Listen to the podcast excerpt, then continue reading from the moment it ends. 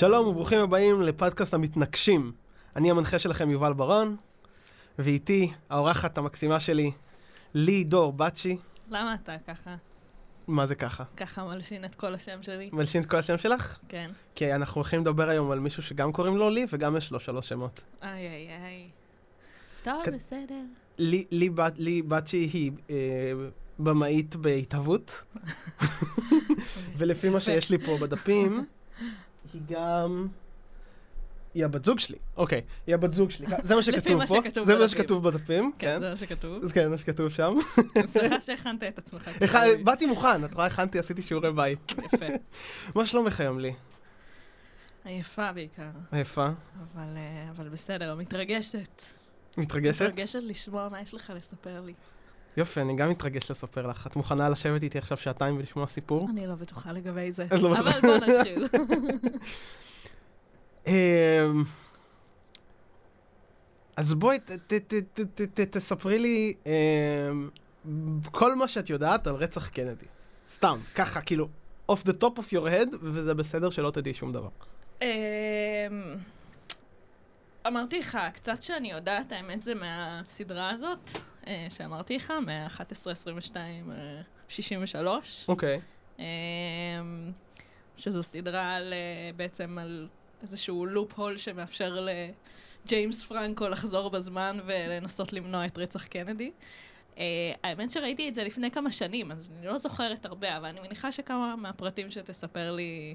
כזה י- התחברו י- לך, אולי, כן, כן. יהיו מוכרים אולי יציפו משהו. אופן. בכללי אני חושב שזה רעיון טוב לשלוח את ג'יימס פרנקו אחורה בזמן. כאילו, הרוג את היטלר. להעליב אותו לא, במציאות. לא, אבל לא בקטע כזה. אני פשוט חושב שכאילו, אם כאילו אנחנו רוצים מישהו שחוזר בזמן. שזה יהיה ג'יימס פרנקו, שיציל את. היום. אוקיי. אמ, גם, כאילו, אנחנו נדבר, מה שאנחנו הולכים לדבר היום זה על, על, ה- על לי ועל הילדות שלו ועל החיים שלו, וכאילו, אין שום ספק שהוא זה שהרג את קנדי, וזה גם ברור שהוא עשה את זה לבד. לך אבל אין שום ספק, זאת אומרת, כן, היו קונספירציות שאומרות מה ש- שלא. זהו, מה שקורה זה שכאילו, כשאני ניגש, כל פעם שאני ניגש לאחד הסיפורים האלה, יש את מה שאני יודע לפני, ואז אני ניגש לקרוא, ואני אומר, אוקיי, אני הולך לגלות כל מה שאני יכול לדעת, וכל מה שכאילו, יהיה זה, ואני אגיע לאיזושהי מסקנה אחרי שאני קורא הכל. ואז, זו המסקנה שהגעת אליה, כן. שאין ספק שזה הוא. כן, כן, כן, אני כאילו הגעתי למסקנה שכזה, אה, כן, ברור שזה הוא. אה, וואו. אוקיי, ואני גם מבין למה כל התיאוריות קונספירציה. אני מבין למה, כאילו, גם... כן, אז עכשיו אתה צריך לספר לי ואני אחליט ואת מה אני תחליטי, חושבת. בדיוק. ואת בסוף תגידי לי מה את חושבת. אני אגיד, אני, גם את זה בקטנה, אני בעיקר אספר את הסיפור חיים שלו, מהמם. שזה כאילו דברים שהם לא, לא שנויים במחלוקת, זאת אומרת, זה דברים שהם אמיתיים, ואז כשנגיע לה, להתנגשות, את תגידי לי אם זה נשמע לך מופרך שהוא זה שעשה את זה. עכשיו, המקורות שלי לדבר הזה זה כמה ספרים. זה ביוגר... אה, אוטוביוג... אה, לא אוטוביוגרפיה, סליחה. ביוגרפיה קצרה של אה, לי אוסוולד, שמצאתי שהייתה בסדר, שדי סיכמה את כל מה שכתוב בוויקיפדיה שלו. מהמם. אה, ספר על, אה, נקרא The Assassin and His Mother, כן? ועוד ספ, ספר במרכאות, שזה פשוט אוסף של הקלטות שלא מדבר, נקרא אה, Oswald in his, ho- in his own words, שזה אוסוולד אה, מתראיין ומדבר, ושומעים את הקול שלו, ואני אשמיע לך קטע מזה, אוקיי. אבל אנחנו נגיע לזה לאט לאט. Um, והספר, אני חייב להגיד על ספר uh, The Assassin and His Mother, ש... המתנקש ועימו. המתנקש ואימו, כן. שאחת הסיבות שקראתי אותו זה כי כבר מההתחלה שהתחלתי כזה להיכנס לזה וזה וזה, והתחלתי כזה לקרוא את הסיפור, הרגשתי ששם כאילו נמצא הסיפור, ואז קראתי את הספר. והוא מצוין. הוא ספר מאוד מאוד מאוד טוב, אבל יש לו קצת bias, ואנחנו נדבר על זה, כאילו. מה זה bias? אה, אה, יש לו, הוא, הוא מוטה, לת- יש לו העדפה לנרטיב מסוים. אוקיי.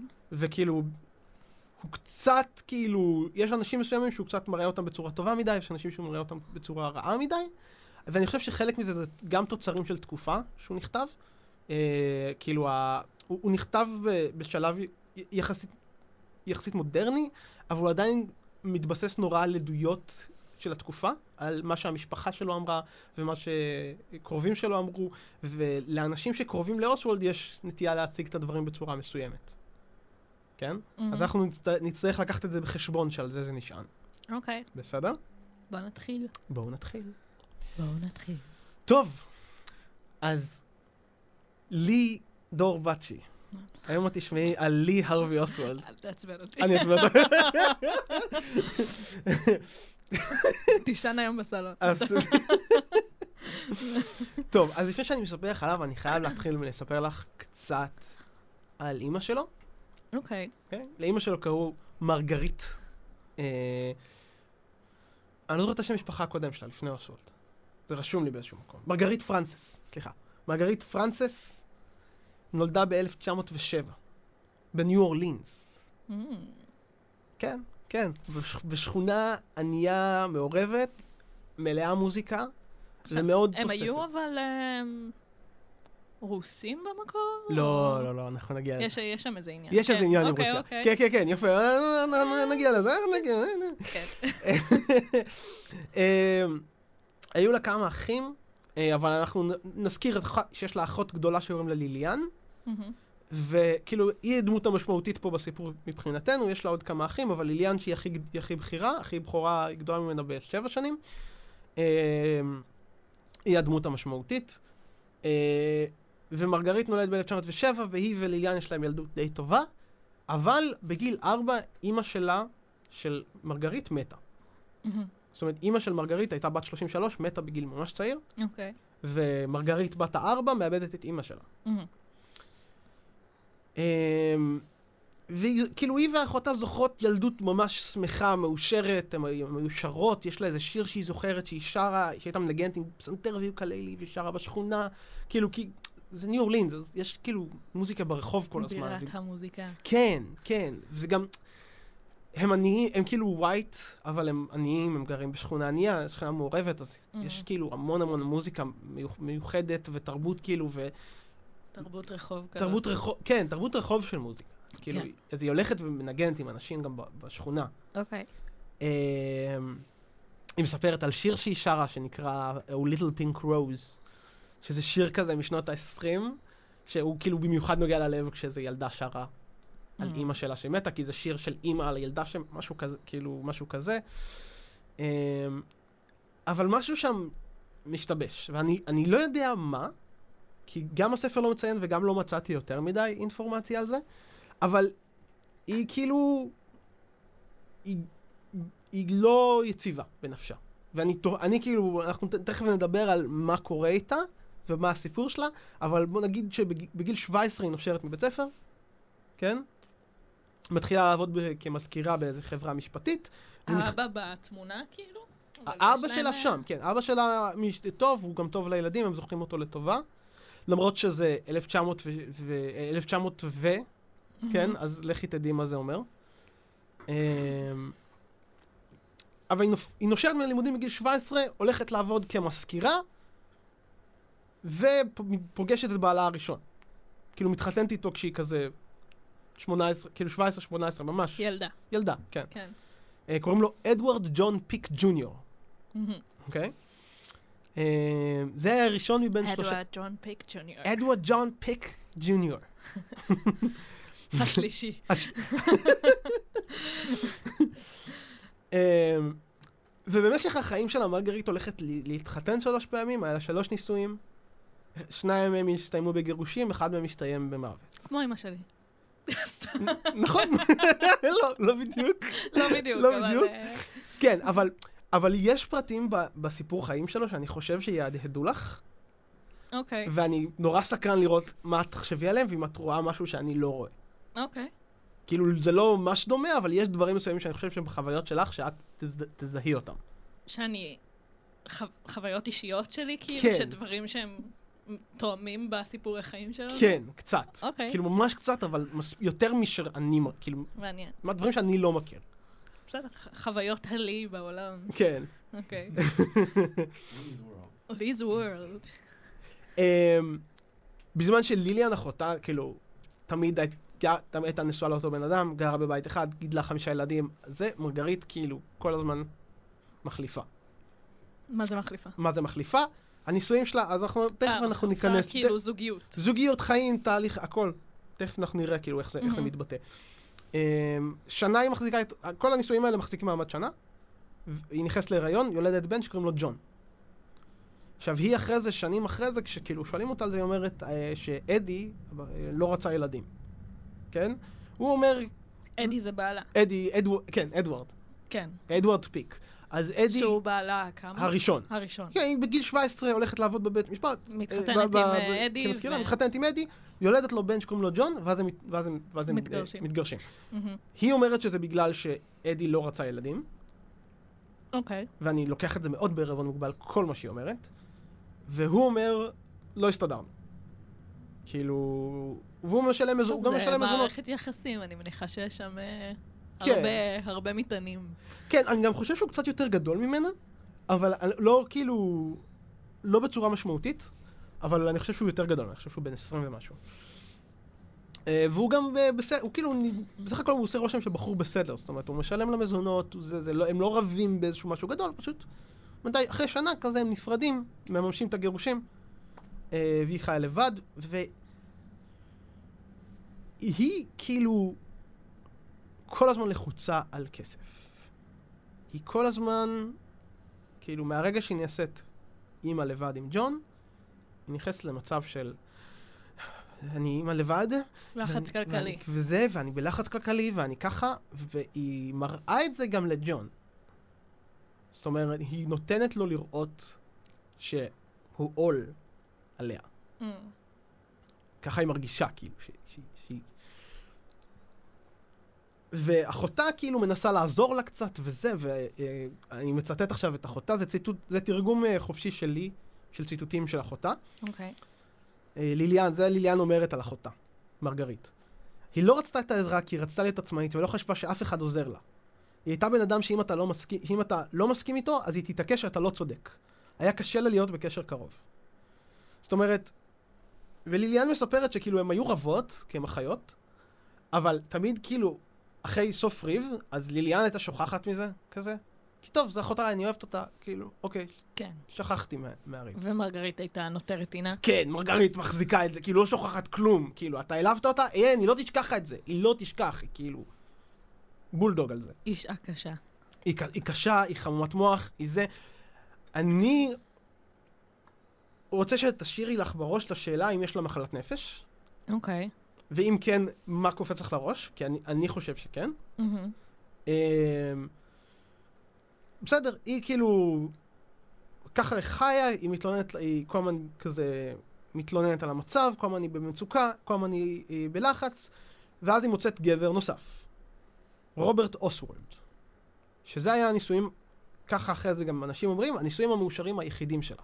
שזה הנישואים השניים בעצם. זה הנישואים השניים שלה. היא מתחתנת עם רוברט אוסוולד, מהמם. והיא מבסוטה. כי רוברט אוסוולד הוא בן אדם מבוסס כלכלית. הוא עובד באיזה חברת ביטוח, הוא... אה, יש לו כאילו קצת כסף, הוא קצת, הוא קצת יותר גדול ממנה גם, הוא קצת יותר מבוסס, והיא כאילו לא חייבת לעבוד. וזה עושה אותה נורא נורא נורא שמחה, שהיא לא צריכה לעבוד. כולנו שמחים אם אנחנו לא צריכים לעבוד. היא מצאה שוג, היא מצאה שוגר דדי, וזה עושה אותה שמחה. סבבה? You go girl. לגמרי, לגמרי. ועד פה, עד פה אנחנו איתה, אנחנו לגמרי לגמרי איתה. אמ, וזה כאילו, וגם כולם אומרים, כאילו, זה נישואים די, די טובים. זאת אומרת, זה שם די טוב, והיא יולדת... בת אה, כמה היא הייתה בשלב הזה? כאילו, בת באיזה שלב זה בחיים שלה? 20... 20, אני, אה, אה, יש את התאריכים המדויקים? בערך. בשנות ה-20 שלה? לא, זה ב-1933, היא בת 22. היא בת אוקיי. 22. היא עדיין צעירה נורא. היא עדיין ממש ילדה, כן. אה, למרות שאז זה קצת כאילו... אז התבגרו יותר מהר באיזשהו מקום גם. כאילו, זה גם 1933. כן. אתה בן 20, אתה כבר כאילו- עובד אה, ומנהל משק בית והכל. לגמרי. כאילו גם בתי ספר, כאילו גם לימודים ובתי ספר זה לא דבר שכולם עושים, כאילו חלק. כן, לא לכולם יש את הכסף ל- להיות משכילים. ו- להיות, להיות השכלת תיכון, כאילו, לא... כן. בדיוק. Um, אז היא מתחתנת עם רוברט אוסוולד ב-1933, והם יולדים את הילד השני שלהם, רוברט ג'וניור. אוקיי? אז אם אנחנו עוקבים, היא גיל 18 מתחתנת בערך, היא יולדת את הבן הראשון שלה, פחות או יותר שהיא בת 19-20, ואז גיל 22, היא נכנסת שוב להיריון, היא יולדת את הבן השני שלה, אה, רוברט ג'וניור. מהמם. אוקיי? הם חיים, טוב לה, נראה כאילו הכל התייצב, אבל אה, היא נכנסת להיריון שוב ממנו. שלישי? כן. אוקיי. היא נכנסת להיריון נוסף, כאילו, כבר יש לה את ג'ון, יש לה את רוברט, ואז היא נכנסת להיריון עוד פעם מרוברט. גם לבעלה קוראים רוברט, גם לילד. היא התחתנה עם רוברט אוסוולד, ולילד שלהם קוראים רוברט ג'וניור. לא, אבל יש לה את... יש לה את. ג'ון כבר, מהנישואים הקודמים. רגע, הארווי לי אוסוולד עוד לא או, נולד? רגע, עכשיו אנחנו מגיעים אליו. אה, לא, בסדר. כן, כן, כן, כן. יש לנו ג'ון, משום מה היה לי בראש שהוא היה הראשון. לא, לא, לא. בסדר. אז יש לנו ג'ון, יש לנו רוברט, כן. ואז, אה, שש שנים אחרי זה, היא בהיריון, היא חודש שביעי, 1939. רוברט בגינה, עובד בגינה, קוצץ את הדשא, פתאום הוא מרגיש כזה, הוא אומר, "כ- כואב לי, כואב לי ביד שמאל. מהמם. אז היא אומרת לו, הנה, קח אספירין. כי אספירין פותר הכל. ודאי. ואז הוא מתמוטט ומת מהתקף לב, אוקיי. אוקיי? היא בהיריון חודש שביעי, והבעל היחיד שהיא אהבה, שהיא חיה איתו שש שנים, נופל ומת בחצר. אז כמובן, מה היא עושה? קוברת אותו באותו יום. כי זה מה שאתה, זה, זה מה שאתה עושה. זה- זה הדבר ההגיוני זה הדבר לעשות. ההגיוני לעשות. אפשר גם לשבת לראות איתו טלוויזיה איזה שבוע. לא, כאילו, לא, כאילו, אוקיי, ב- בעלך מת, עכשיו את רוצה לעשות טקס, זה לא כמו היהודים שאנחנו חייבים, אצלנו יש חוק, אנחנו חייבים לקבור יום אחרי זה. הם כן. לא, הם כאילו יכולים לקבור יומיים אחרי זה, שלושה, כאילו, אפשר כזה כן. להגיד, אוקיי, מתי נוח לכולם להגיע, כל מי שאוהב אבל היא אותו, ש- מחליטה לקבור אותו באותו יום. באותו יום, וההור- וההורים שלו לא סולחים לה על זה בחיים. למה? כי הם כי- לא כאילו יכלו להגיע? כן, והיא לא שיתפה. אותם בזה, והיא החליטה לקבור את הבן שלהם, והם היא כאילו... עשתה את זה לבד בעצם? היא עשתה את זה זאת אומרת, לבד. היא לא ממש הזמינה אנשים או... היא פשוט קוברת אותו, וכאילו חותכת וממשיכה הלאה, כן. היא קוברת אותו, כאילו, אבל... לא, לא יודעת, זה נשמע לי כאילו היא קוברת אותו היא באותו לא- רגע בגינה. זה כמעט, זה כאילו, ו- זה כזה כמעט כזה, כאילו, זה כמעט כזה, כן. כי כאילו, זה לא בגינה, אבל היא מארגנת את זה נורא מהר, והיא לא מזמינה אף אחד, והיא לא עושה הלוויה מסודרת, והיא לא כאילו, היא לא עושה מזה טקס.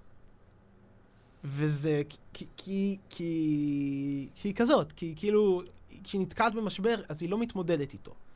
היא, כן, זה נשמע לגמרי כמו מקום של אה, הלם של כאילו, אוקיי, בוא נעשה את הכל מהר, כי אני לא יכולה להתמודד עם זה כרגע בכלל. בדיוק, בדיוק. וזה, הגישה הזאת היא הולכת להיות כאילו מוטיב חוזר, ומשהו גם במוות הזה שובר אותה באיזשהו מקום. זה שובר בה משהו. זאת אומרת, אם עד עכשיו היא הייתה קצת לא מאוזנת, וקצת לחוצה כל הזמן, וקצת לא יציבה, ולא... זה גם וממהרת- מחזיר אותה לחרדות הקודמות שלה, של החוסר יציבות, כן, כן, בדיוק. וכאילו התחושה הזאת של עוד פעם זה קורה לי, כאילו. בדיוק. עוד פעם זה קורה לי. אז משפט מעולה, וחכי, תחזיקי את זה, כי זה הולך להיכנס. כי מה שקורה עכשיו זה שחודשיים אחרי זה נולד לי הרווי אוסוולד. מהמם, זאת אומרת, הוא נולד חודשיים אחרי שאבא שלו מת. מהמם. ומהרגע הזה, המשפחה עוברת דירות כל הזמן. אני מתחילה להבין למה זה מתחבר לחיים שלי. נכון. אמ, אם תרצי תספרי על זה קצת, תרחיבי, כי למאזינים. אמ, היי מאזינים, עברתי הרבה דירות.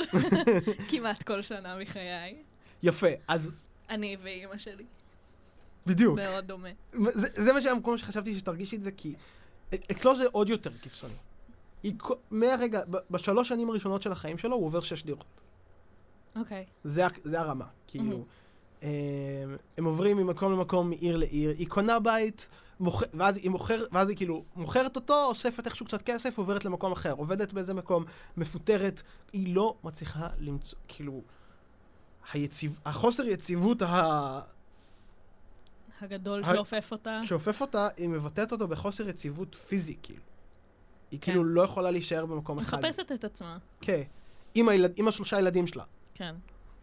עכשיו, זה אני כבר אומר להמשך, עד גיל 17, כאילו מהמם. שהוא, שהוא הולך להתגייס למרינס, מהמם. וזו התקופה שאנחנו יכולים לדבר עליה עכשיו, המשפחה שלו עוברת יותר מ-20 פעם. עד גיל. 3 הוא עובר יותר מ-6 פעמים, ואז הוא הולך לעבור עוד ועוד ועוד ועוד ועוד ועוד, סך הכל יותר מ-20 פעמים הם עוברים דירות. כן. אמ, חיי הנבלות. חיי הנוודות. ומרגרית מתחילה לדבר, כאילו, כמה החיים שלה קשים, וכמה הילדים שלה זה עול, והיא מראה את זה לילדים שלה. נותנת להם לראות ש- שם עול. שהם עול על- עליה והם חלק מהבעיות שלה.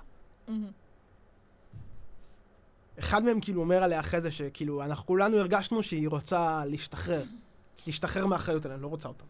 והיא, במנ... והיא מנסה להיפטר מהם גם. זאת אומרת, כשלי, כשלי נולד, אז ג'ון הוא עוד שנייה בן שמונה, אה, רוברט הוא בן שש. זאת אומרת, יש בין, בין אה, ג'ון ורוברט יש שנתיים או שלוש, מהמם. ואז לי. כאילו, לי, Mhm. אז ג'ון גדול ממנו בשמונה שנים, ו... ורוברט גדול ממנו. בחמש, שש שנים, כן. אמ, והיא שולחת, היא מנסה לשלוח את, אה, את ג'ון ואת רוברט ל Infant Jesus College School. oh my God. כן, נשמע קשוח מאוד. פנימייה נוצרית בניו אורלינס. ב-1939. אבל של orphans. של מה? אמרת orphan... אה, לא, לא, לא, לא, לא? לא, אנחנו נגיד, לא, לא, זה פנימייה. לא, אבל מה היה השם שלה? Infant אה, Jesus, Infant, לא orphan. Infant ג'יזוס, אוקיי, הייתי כזה, אוקיי, בוא ניפטר מהם עד הסוף. רגע, חכי, את מקדימה את המאוחר. אה, וזו פנימייה נוצרית, וכמובן שג'ון ורוברט כאילו שונאים את המקום הזה, כי כל הזמן אה, הנאנז כאילו מרביצות להם וזה, והם חרא אליהם, והם שונאים אותם. אז היא מוציאה אותם, ואז היא מוציאה אותם משם ועוברת לעוד מקום.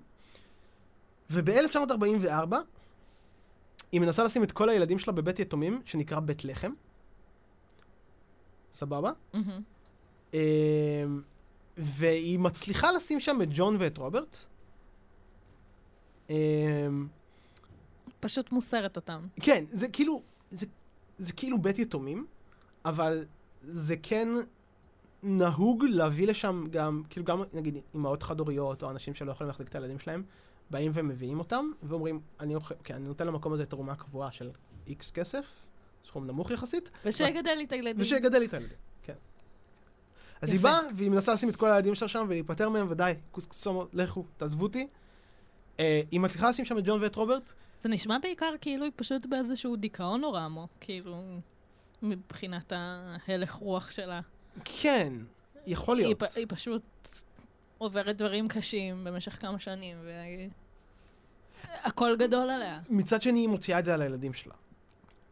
בצורה שזה שהיא... גם, אה, שזה גם סימפטום, כאילו, של להוציא את זה על אנשים אחרים. נכון, אבל אני לא... כאילו, לא כל בן אדם שהוא בדיכאון עמוק, ברור שלא כל בן אדם יזרוק את הילדים שלו כי הוא בדיכאון, כן? כן, לא, זה קצת, זה קצת זה נהיה... קיצוני. זה נהיה, וזה נהיה יותר ויותר קיצוני עם השנים. זאת אומרת, זה, זה, זה נקודת התחלה שלנו, אבל אנחנו נדבר תכף על מה קורה ביחסים שלה עם לי. כי זה שהיא שמה אותם שם, זה מציל אותם בעיניי. מהמם. זאת אומרת, היא לא עשתה את זה כדי להציל אותם, אבל אני חושב שהיא עזרה להם מאוד. אמ, אז הם לא נותנים לה לשים שם את לי, כי הוא קטן מדי. הוא כמעט בין... אה, אני חושב שהשנים פה לא נכונות, כי אם זה 1944 והיא ילדה את לי ב-1900... רגע. אני רק רוצה לדייק. כי לדעתי יש לי פה משהו בשנים שהוא לא לגמרי נכון. כן, לא, זה לא יכול להיות 1944, זה קצת לפני זה. אמ, זה חייב להיות קצת לפני זה, כי הוא בערך בן שנתיים עכשיו. כי הם אחרי גיל שלוש הם נותנים להכניס את, ה, את הזה, אז כנראה שזה היה בערך ב-1941 ולא 44. אמ, לא קריטי. מה שקורה זה שעכשיו היא נשארת עם לי בבית, ועכשיו היא מתחילה להביא כל מיני babysitters, כל מיני אנשים שיבואו לעזור לה. כאילו שישמעו, היא הולכת לעב, לעבוד במרכאות, ולעשות מה שבא לה, והיא מביאה אנשים שיטפלו בתינוק לי. וכאילו, גם מנסה לא לגדל אותו בעצמה. בדיוק, בדיוק. אה, למה היא לא מסרה אותו אז גם יחד עם שני הילדים האחרים? זהו, כי הם לא נתנו לה. המקום בגלל שהוא היה... קטן מדי. הוא היה בן, כמעט בן שנתיים. הוא היה פעוט. פעוט, כאילו. הוא חייב עדיין את אימא, כאילו. מהמם. זה גיל שעוד לא מפרידים מהאימא. כן. כאילו אומרים לה, אוקיי, את, את כאילו יכולה לשים אותם, בני עשר עוד שנייה. למרות זה בסדר." שיכול להיות שזה גיל אה, טוב יותר אה, למסור בעצם ילד כשהוא עוד לא מחובר, לא יודעת. אימא, זאת אומרת, אימא, אימא לא הילד שפויה. חווה נראה לי טראומה גדולה יותר כשמוסרים אותו בגיל 6 או 8 מאשר שמוסרים אותו בגיל שנתיים, כי הוא עוד לא באמת מבין שמסרו אותו. יש בזה משהו? Hmm. אבל כאילו במקרה הזה ספציפית, um, במקרה הזה ספציפית, אז, אז דווקא כאילו, זה, זה, בעיק, זה כאילו עדיף להיפטר, עדיף שהם לא יהיו קרובים אליה פשוט, כי היא משוגעת. כן? אז עדיף באמת כמה שיותר מוקדם. אבל הגיונית, אני הייתי אומר גם ילד זקוק לאימא שלו. לא יודע, זה מורכב. ילד כאילו, זקוק לאמא שלו, נראה לי גם בכל שלב. בכל שלב, כן. זאת אומרת, המעשה של למסור ילד הוא קיצוני ככה או כן. ככה, כן, אני סתם חושבת אה, שזה מעניין שהם לא מקבלים ילדים קטנים, ודווקא מעדיפים ילדים יותר, גדולים, כן. כאילו, כדי לא להפריד כי זה גם קצת בית ספר, אני חושב, זה כמו פנימייה. גם קודם היא ניסתה לשים אותם בפנימייה, ואז היא העבירה אותם לממש זה. מהמם. אמ, טוב, גבע מסמן לי שאנחנו צריכים לצאת להפסקה. הפסקת פרסומות פוטנציאליות. מה- מהיום אנחנו יוצאים להפסקה, כל, כל 20 דקות, 25 דקות בערך, אנחנו נצא לאיזה הפסקה, בתקווה שאולי מישהו ירצה לשים פה מתישהו פרסומות, ואנחנו נרוויח גם כסף כדי לממן את הפודקאסט. אז כשנחזור מההפסקה אנחנו נדבר על אה, איך לי גדל, הרחק מאחיו, ומה קורה לו עד גיל 17.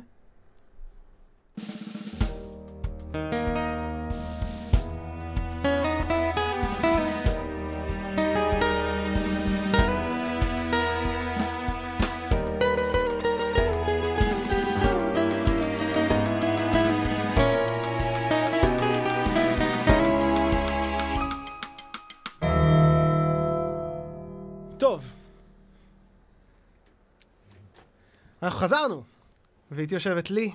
לי, אנחנו בדיוק דיברנו על מרגרית וליליאן, אחותה, ועל השני הנישואים הראשונים הלא מוצלחים שלה. נכון, אמת. מחכה שתמשיך לא, את להפך, המשפט. אני רוצה, ש- אני רוצה שתשלימי, אני רוצה שתשלימי את ה... את ה... את ה... מרגרית, שהיא אימא. של הרווי לי, אה, ושל עוד אה, שני ילדיה, ג'ון ורוברט, Hmm, שמסרה אותם בדיוק אה, לבית יתומים הזה, בית לחם. לבית לחם. אה, וזהו, ואנחנו הולכים אה, להמשיך, אה, להמשיך משם. להמשיך משם. בקיצור, אז מרגרית נפטרה משני הילדים המבוגרים שלה ונתקעה עם, ה- עם הילד הקטן, היא לא רוצה לגדל אותו, היא, היא כל פעם מביאה בייביסיטר אחר שתטפל בו. חלק מהן מספרות שהוא היה ילד כזה עצבני שזורק דברים, ושהוא זרק עליהם דברים, חלק אומרות שהוא חמוד. אחות... שי חי. אה? שי חי של משהו כזה, משהו כזה. לקח לי רגע לחבר את הרפרנס, זה היה כל כך... לא יודעת, זה הרפרנס שקפץ לי. לראש ישר. כן. זה קצת כזה, כאילו... כזה בועט בצעצועים שלו, לא רוצה. אמ, הוא עדיין כאילו בן שנתיים, שלוש, כאילו ממש פעוט. ואז אחותה ליליאן אומרת, אוקיי, אוקיי, תביאי לי, אני אטפל בו. אני, אני אקח אותו, יש לה כבר חמישה ילדים, היא אומרת, תביאי את הבן שלך, כי יודעת שאחותה משוגעת. בקטנה. כן, יל- מה זה ילד שישי בין חמישה ילדים? כי לא, ליליאן ליליאן היא כזאת אה, אימא, אימא קלאסית, אמריקאית כזה, של כזה, אני בשליחות להיות אימא. את יודעת מה אני מתכוון? היא כזה, כאילו, כאילו זו תוחלת חיי, אה, כן. להיות אימא. כן, והיא כזאת רכה ומכילה תפיסה וגם... נפוצה דאז. כן, ו... אבל, היא גם, אבל היא גם באופי של הבן אדם נורא נעים. כי זה היה הרושם שקיבלתי, כאילו, על, על זה מהמם. שהיא בן אדם מאוד כזה, אה, מאוד אמפתי. כן. אז כאילו, כשאחותה בצרות, היא אומרת, טוב, זו אחותי, אני חייבת לעזור. אה, והיא לוקחת את לי אליה. היא מנסה לגדל אותו, היא, היא, היא מלבישה אותו כמו אה, מלאך, תלבושת מלאך כזאת של שנות ה-40. סיילור כאילו? כן, סיילור. אוקיי. היא לא, היא מלבישה אותו וזה, והולכים איתו ברחוב, והוא חמוד, ואומר שלום לכולם. זורקים עליו מטבעות כי הוא חמוד. לא יודע, זורקים. אבל ליליאן אומרת שהוא ילד ממש חמוד. היא נורא אוהבת אותו, היא אומרת שהוא ילד חמוד. אבל, מצד שני, מתישהו אה, אה, הם, היא, רבה עם אחותה, מהמם. והיא אומרת לאחותה, כאילו, יש לה ריב ממש גדול עם, עם אה, אחותה, והיא אומרת לה, אם כאילו את כל כך עצבנית, אז אולי פשוט תיקחי את הילד שלך. עכשיו, ליליאן אחרי זה מספרת שהיא אמרה... כן, אז ליליאן כאילו מספרת שהיא אמרה לה, אולי אמרתי לה, תקחי את הילד שלך. די ברור שהיא כאילו צרחה עליה, קחי את הילד שלך. אז כן. זה העדות שליליאן נותנת על עצמה ועל הילד, אז גם צריך לזכור שכל הדברים החיוביים עליה ועליו, זה גם כן תיאורים בערבון מוגבל. בערבון מוגבל מאוד, כן. אמ, התחושה שלי זה שזה לא היה בדיוק כזה, זה שהיא גם כן לא ממש רצתה לגדל אותו, אבל היא כן כאילו ניס, ניסתה קצת לעזור לו. והיא, עדיין- והיא לא האשימה טוב, אותו. זה לא פשוט לקחת ילד שלא שלך כן, ולצרף אותו גם ככה למשפחה גדולה. לגמרי. אמ, בטוח שזה... מסובך. היא גם אומרת עליו שהוא חמקמק, שהוא כאילו מהר מאוד לומד להיות ילד חמקמק. סליפר. כן, זאת אומרת, היא לא רוצה שהוא יצא כאילו לבד או משהו, אבל הוא תמיד מוצא דרך לצאת מהבית. היא אומרת, לא משנה כמה אני נועלת את הבית וכמה... זה ליליאן אומרת. כן. אז היא אומרת, לא הוא משנה, מוצא דרך לברוח. הוא מוצא דרך לצאת, כן. כן. עכשיו מרגרית לוקחת את לי, עכשיו הוא בן שלוש כזה, מהמם. לוקחת אותו אה, שוב לבית לחם. אומרת, עכשיו אתה בן שלוש, עכשיו אפשר לזרוק אותו. אם את נותנת לילד בן שנתיים להיות חמקמק, כנראה שיש פה בעיה. נכון, נכון? נותנת לו לצאת מהבית כשהוא רוצה, כן, כאילו, בן שנתיים, משהו בזה? מוזר, נכון? כאילו, היא אומרת, וואי, ילד חמקמק, הוא יודע, לא, כאילו, אני רק אשאיר את הדלת לא נעולה במקרה, במקרה שהוא oh my God. ירצה לצאת. לא חשבתי על זה. מאוד. מאוד חמקמק. מאוד. אמ, אבל עכשיו שהוא בן שלוש, אז מרגרית אומרת, אוקיי, עכשיו הוא בן שלוש, הוא כבר ילד גדול, ולוקחת אותו שוב לבית לחם, ממש אה, עצמאי. כן, ושמה אותו שם עם שני האחים שלו, אוקיי. וזה מבאס אותם בטירוף. למה? כי ג'ון, כאילו, הוא כבר בן עשר, רוברט הוא בן שמונה כבר, אמ, והם כיף להם בפנימייה, כי הם גם רחוקים מהאימא המשוגעת שלהם, שכל הזמן אומרת להם שהיא לא רוצה לגדל אותם, ושרע לה, ושהם לא בסדר, מהמם. ושהכל חרא לה בחיים, ושהכל זה באשמתם. וזה היא- גם, היא- היא- היא ממש אומרת להם את הדברים כן, האלה? כן. כאילו, היא literally... היא literally זאת אומרת אומרת, זה להם, לא שהיא רק מראה להם שקשה לה ולא טוב לה, היא גם אומרת להם, אני לא רוצה אתכם. כן, אבל היא- אני לא יודע אם היא אומרת את זה בצורה ישירה, כמו שזה נורא נורא ברור שזה מה שהיא אומרת. אוקיי. זה כזה... תכף את תראי- מה קורה ביחסים שלה עם לי, כי, כי יש הבדל בין האחים שלו, לבין, כאילו במערכת היחסים, כולם סובלים ממנה, אבל Mhm. הוא סובל ממנה הכי הרבה. אז כולם בפנימייה הזאת בבית לחם. כן, אבל האחים שלו, הם כבר כאילו, רגילים ושמחים במקומם. הם שמחים שהם רחוקים ממנה, הם גם פגשו עוד ילדים שהם כמוהם, שגם כן. כן יש להם הורים שהם לא יציבים ששמו אותם שם. מהמם. ואז הם כזה, אוקיי, אנחנו... כנראה שאנחנו צריכים להיות כאן, כאילו... גם, או, או שאנחנו צריכים להיות שם, אבל גם כאילו, אה, אני לא, אני לא לבד. אני לא לבד, כן. כן. אני חושב שזו תחושה מאוד מעודדת לילד שגדל בתוך בית מאוד לא נעים, מהמם. שפתאום אתה פוגש עוד ילדים שגדלו ככה, ואתה כזה, אה, וואו, זה לא רק. אה, וואו, זה לא... אני לא היחיד בעולם שזה כן. ככה אצלו. בדיוק. אמ, אבל בפנימייה הזאת, זו פנימייה בשנות, ב, אה, 1900 בשנות ה-40. אז כשיש אחים, ואחד מהם הוא תינוק, שצריך להחליף לו את החיתול, מי שאחראי להחליף לו את החיתול זה האחים שלו. מהמם. זה החוק בפנימייה. וזה גם כאילו אחרי כבר תקופה שהם בעצם נפרדים ממנו. כן. זאת אומרת, הוא פתאום האח שהם כבר לא באמת מכירים אותו אפילו. נכון. באיזשהו מובן. הם מודעים לקיומו, הם פגשו אותו, זה, זה גם שנה אחרי, זה לא יותר מדי זמן. מצד כן, שני, לא, הם גם כאילו היו ביחד באותו בית, אבל הייתה היפרדות. הייתה. היפרדות. הייתה היפרדות, ו... ו... ופתאום נופל עליהם איזה אח כזה ש... שהם צריכים לנקות לו את החיתול. כן. ג'ון צריך לבוא, ילד בן עשר צריך לבוא להחליף את החיתול של אח שלו. כאילו הפנימיה לא יכולה לעשות את זה. כיף. כיף גדול. כיף גדול, כן. אמ,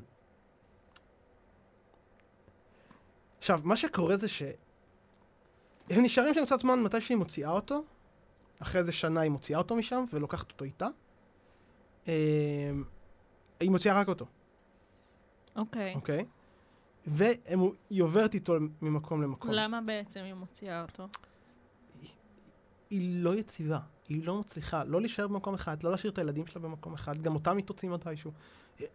כל אורך, כל מה שאנחנו יכולים לתאר עכשיו, את הילדות שלו, שאנחנו יכולים כזה לזכור אותה, מהמם. לכל אורך הילדות שלו, אימא שלו לא מצליחה להישאר בשום דבר יותר מדי זמן. לא בעבודה, לא במקום, לא בזוגיות, ולא עם הילדים שלה, ולא הבתי ספר שלהם.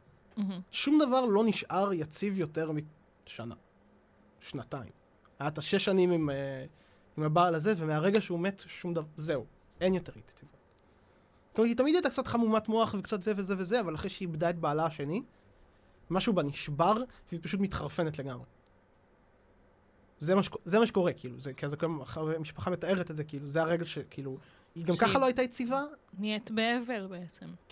שהיא לא מתמודדת עם האבל ונאטמת, בעצם, רגשית. אה, אז היא מוציאה אותו אחרי שנה,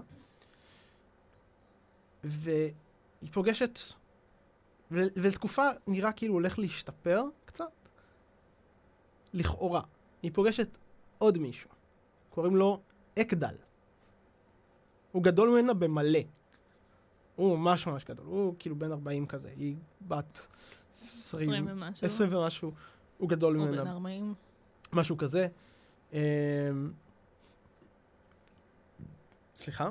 והוא... אה, יש בזה משהו קצת הגיוני שהיא מחפשת עכשיו, כאילו אפילו עוד ללכת רחוק יותר, כאילו, אתה מבין? יכול להיות. מישהו בן 40 שכנראה יש לו כבר איזושהי יציבות גדולה יותר בחיים. נכון, יש מצב.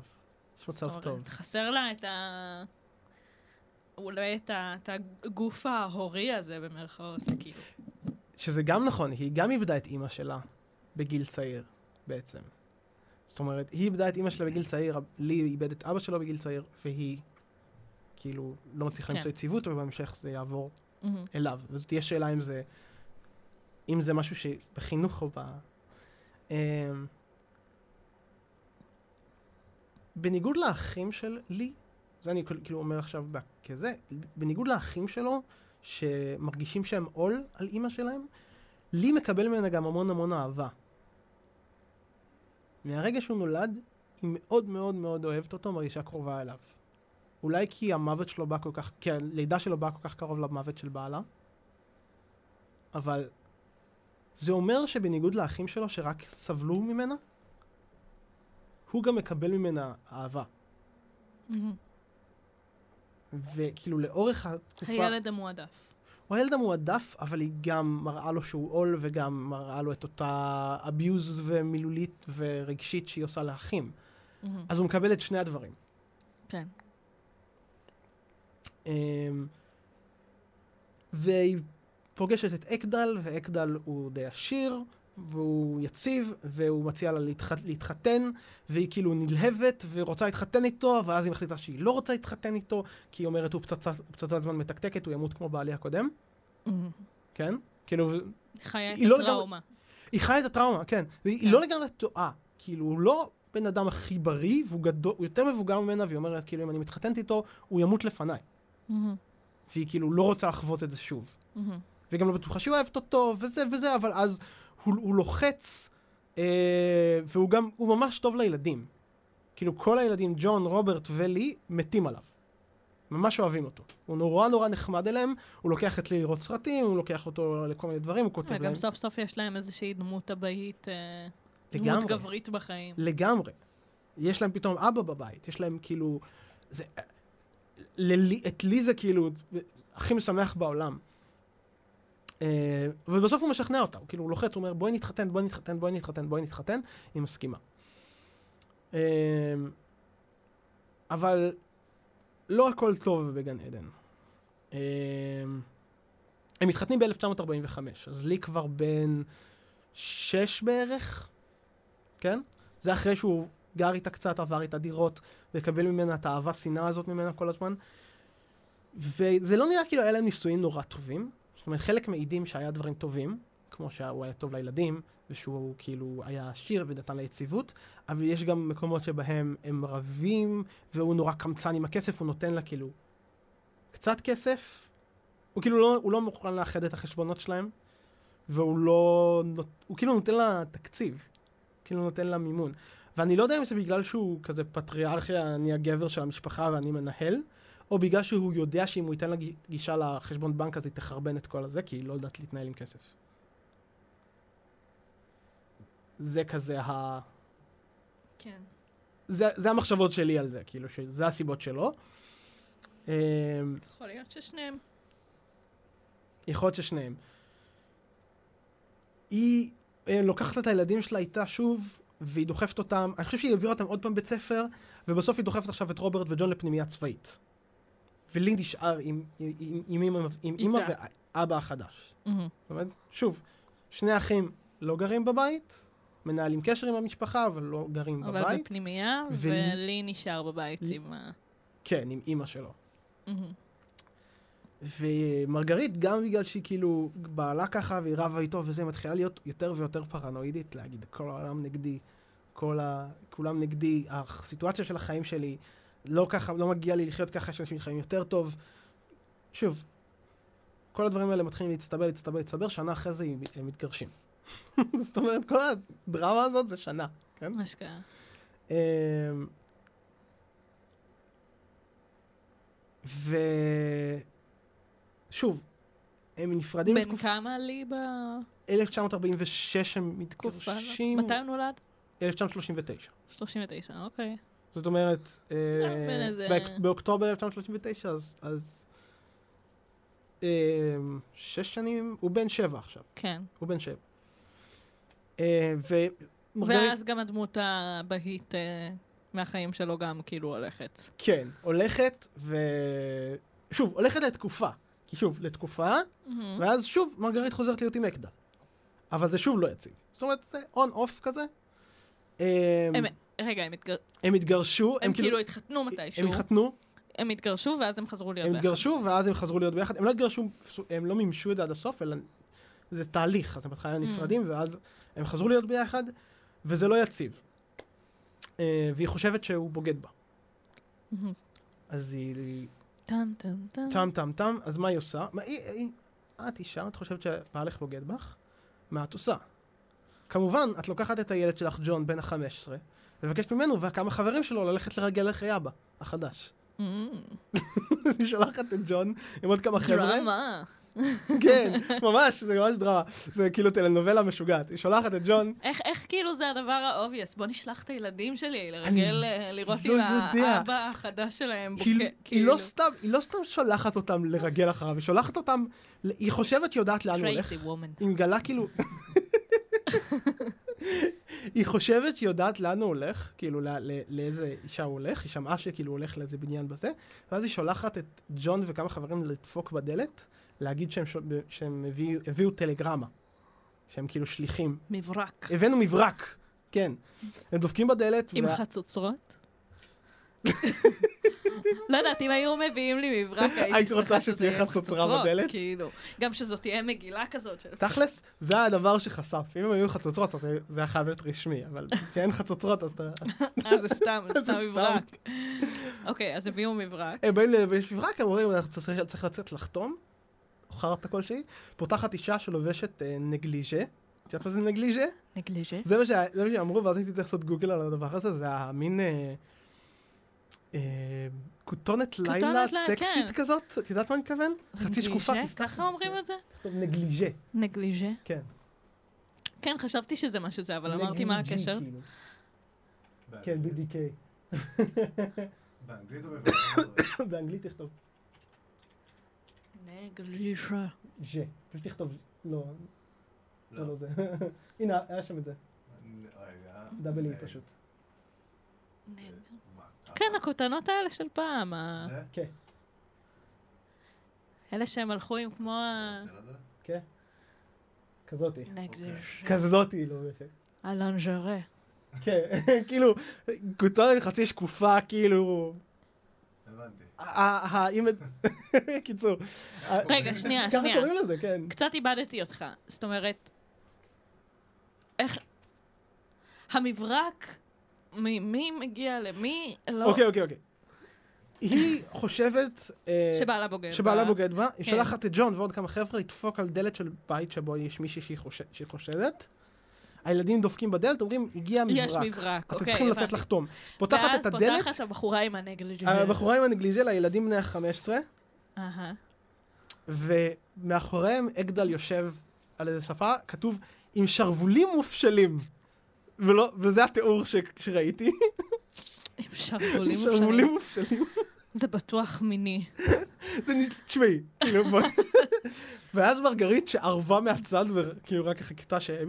לא לא ברור למה היא לא באה ודפקה בדלת. כאילו, היה שומע את הקול לא, שלה. דווקא זה די הגיוני, כאילו. לא יודעת, אה, כנראה שהיא רצתה לאמת את החששות, או... כן. רגע, איך היא ידעה איפה הוא? היא שמעה ממישהו, אני לא בטוח. כאילו אה, עלו שמועות כזה שהוא בוגד בה, כן, עם הבחורה לא. הזאת והזאת, ואז היא רצתה לדעת אם זה אמיתי, אז היא שולחת את הילדים שלה. אה, אה, הם... אז היא רצתה כאילו מין לוודא את העניין, וגם אולי לא להתעמת עם זה עדיין. לא, אבל... ברגע שהיא מגלה את זה, היא נכנסת לא. פנימה ומתעמתת איתו בסדר, באבו אבוה. אבל אני אומרת, כאילו, היא לא רצתה להתעמת איתו בללכת לדפוק בדלת ו... אמ, יכול לא להיות. יודעת, אני חושבת על כל מיני סצנריוז, למה זה הגיוני דווקא שלא היא הלכה בעצמה. אבל ברגע שהיא רואה את זה, אז היא נכנסת לתוך הסיטואציה, עוברת את, כאילו, עוברת את הילדים שלה, נכנסת לתוך החדר, מתחילה לריב עם בעלה. אוקיי. אוקיי? כאילו נכנסת להתעמת איתו. ר- ריבים, צעקות, זה קורה מול הבן שלה והחברים שלו. שהוא בן 15. אמ, והיא ואז הם נפרדים, כאילו, היא, היא, היא, היא, זה, כאילו, נפרדים שוב. ביוני 1948 הגירושים ממומשים. אה, טוב, אז אה, כמובן, מה אגדל עושה את הדבר ההגיוני? ותובע אותה. אה, אוקיי. אוקיי, נכון, גם הייתה התגובה שלי. הוא תובע אותה שהיא התנהגה עליו באכזריות, והוא מאשים אותה בבית משפט שהיא סרטה אותו, זרקה עליו בקבוקים, זרקת עליו קופסת עוגיות שיש לה התפרצויות זעם. וכל הילדים, וואו, זה מעניין. טוב. כן, כן, לא, כאילו... בהקשר של החיים שלי. בהקשר של החיים שלך, כן. זה, כן, כן. את תחשפי יש כמה- סיפורים, אני אני אספר לך אחר את תרגישי- תרגישי בנוח לחשוף כמה שאת מרגישה. אה, סתם, זה פשוט מזכיר לי שה... הרי אימא שלי עם הזוגיות השלישית שלה, אה, בסופו של דבר שזה... זה, זה נגמר בתביעה באמת. כאילו, היא תבעה אותו על uh, הרבה כסף שהוא חייב לה, uh, כי הם גם עבדו ביחד, היה שם כל מיני עניינים וזה, והוא כאילו מין ניסה להוציא אותה משוגעת, כאילו, בבית משפט, וואלה. באותו דבר. היא עשתה לי ככה, והיא זה, והיא כ- בדיוק. כאילו ממש הקצין הרבה דברים, מהמם. וגרם לזה להיראות כאילו היא לא שפויה. אשכרה. כן, אז uh, מאוד האם- מאוד דומה בקטע הזה. האם היית צריכה להעיד בבית המשפט? מה זה? האם היית צריכה להעיד בבית המשפט? אה, לא, כאילו, זה היה, זה היה עניין שחשבתי עליו הרבה. כאילו, גם חשבתי על אם הייתי מסוגלת בכלל, כי אוקיי, זה סופר מורכב. נכון. אני חושבת שאימא שלי ניסתה לי פשוט למנוע ממני את הדבר הזה. כי זאת אומרת, היא לא, שלך- היא לא רצתה שאני היא זה. בן אדם גם, שפוי. כי הרי גם בגלל שהוא ניסה בכלל להכחיש את זה שהם אי פעם היו נשואים, כי הם לא התחתנו ברבנות. זה היה מסיבת Mm. חתונה, כאילו, אזרחית, יעני. הבנתי, הבנתי. אז הוא ניסה לגרום לבית המשפט להאמין שהם מעולם לא היו נשואים. אז הוא גם התייחס אליי בקטע הזה, בק... כאילו, היא אמרה, היא הייתה כמו בת בשבילו, וכל מיני דברים כאלה, כן. והוא כזה, כמעט לא היה לי קשר איתה. כאילו, ממש אשכרה. הקצין דברים. כן, אשכרה. כן, זה היה ממש מורכב. או-אה, אז אה, או-אה. live אה, stories. מצוין, כי עכשיו, מה שקורה פה זה שהילדים כן נדרשים להעיד. זאת אומרת, פה אף אין מבוגר אחראי שאכפת לו באמת. כאילו, אין, Mhm. אין, כאילו, הם שניהם, כולם שם דפוקים.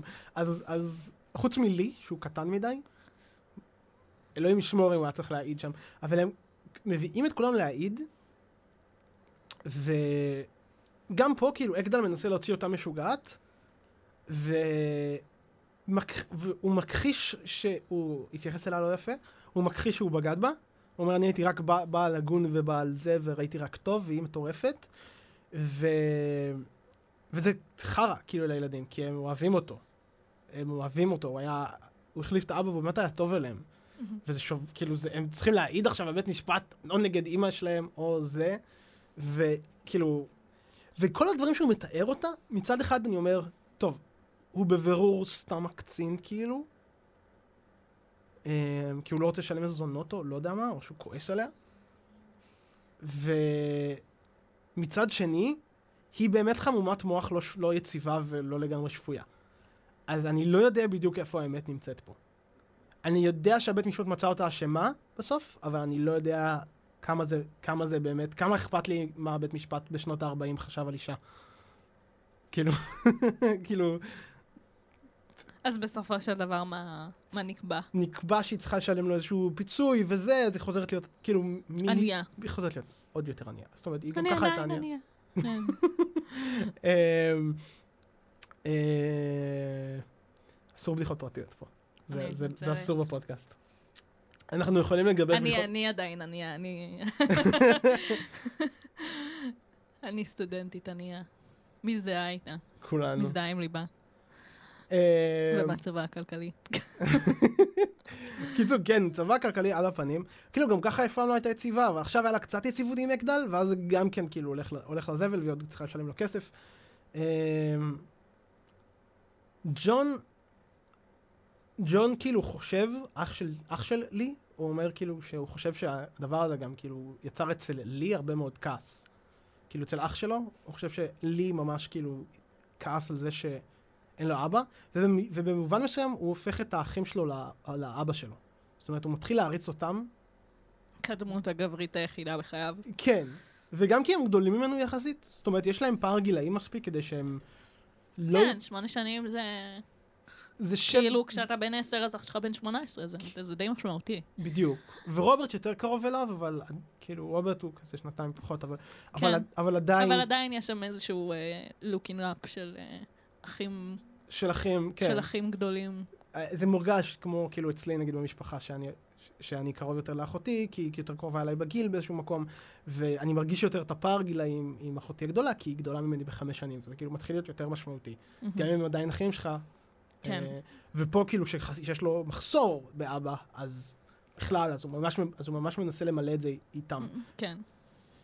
אמ, טוב, גבע מסמן לי שאנחנו צריכים לצאת שוב להפסקה. אז עכשיו אנחנו אה, נצא להפסקה קצרה, וכשנחזור, אנחנו נדבר על איך להיגדל, על התקופה שלו בצבא, ומה קורה אחרי זה.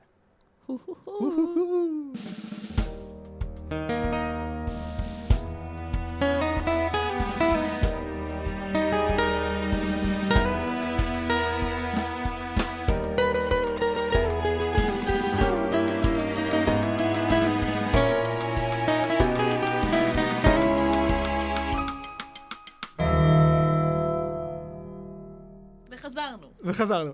אה, את רוצה לספר לנו קצת אה, עד עכשיו איפה אנחנו עומדים? מבחינת הסיפור? אה, אז שמענו על החיים הצעירים של לי ואחיו, על הנישואים המרובים של האימא, שהסתיימו כולם ברע. ועכשיו אנחנו בקטע של לי בעצם תופס מהאחים שלו את הדמות הגברית בחייו, מהמם. ומתקדמים. יפה. אז אנחנו ב-1948. הגירושים מומשו, עברנו את בית משפט, ומפה אה, מרגרית, אה, לי עכשיו בן תשע, ורק בשנה הזאת מרגרית עוברת עוד שלוש דירות. בשנה. כן? כל פעם היא מוציאה אותו מבית ספר, מכניסה אותו לבית ספר. מוציאה אותו מבית ספר, מכניסה אותו לבית ספר. ולי מקבל ממנה, כאילו, הכל. הוא מקבל ממנה את כל האהבה שיש לה לתת. הוא, מק... הוא שם כדי להשלים את כל החתיכות שחסרות לה. היא, היא, היא פתאום, ואז שנייה אחרי זה היא רואה אותו בתור כאילו אה, עול ו- וקושי ומשהו שהיא צריכה להיות אחראית עליו והיא לא רוצה אותו, ואז היא כועסת עליו ומתעצבנת עליו ו- וצועקת עליו, ואז רגע אחרי זה היא אוהבת אותו ומחבקת אותו. ו... בקיצור, היא חווה טלטלת רגשות מאוד קשה כל הזמן. מהמם. וזה מעניין, כאילו כש, כשקראתי על זה, אז, אז הספר לא אומר את זה, אבל, אבל כשאתה קורא על כתות, ואיך הם... אה, איך הם... אני אוהבת.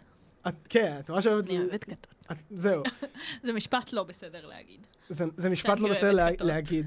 אבל אני אוהבת, אה, מעניין אותי. את אוהבת לקרוא על כתות, אני, כן, אני אוהבת אה, לדעת על כתות. כן. אז, אז מה קראת?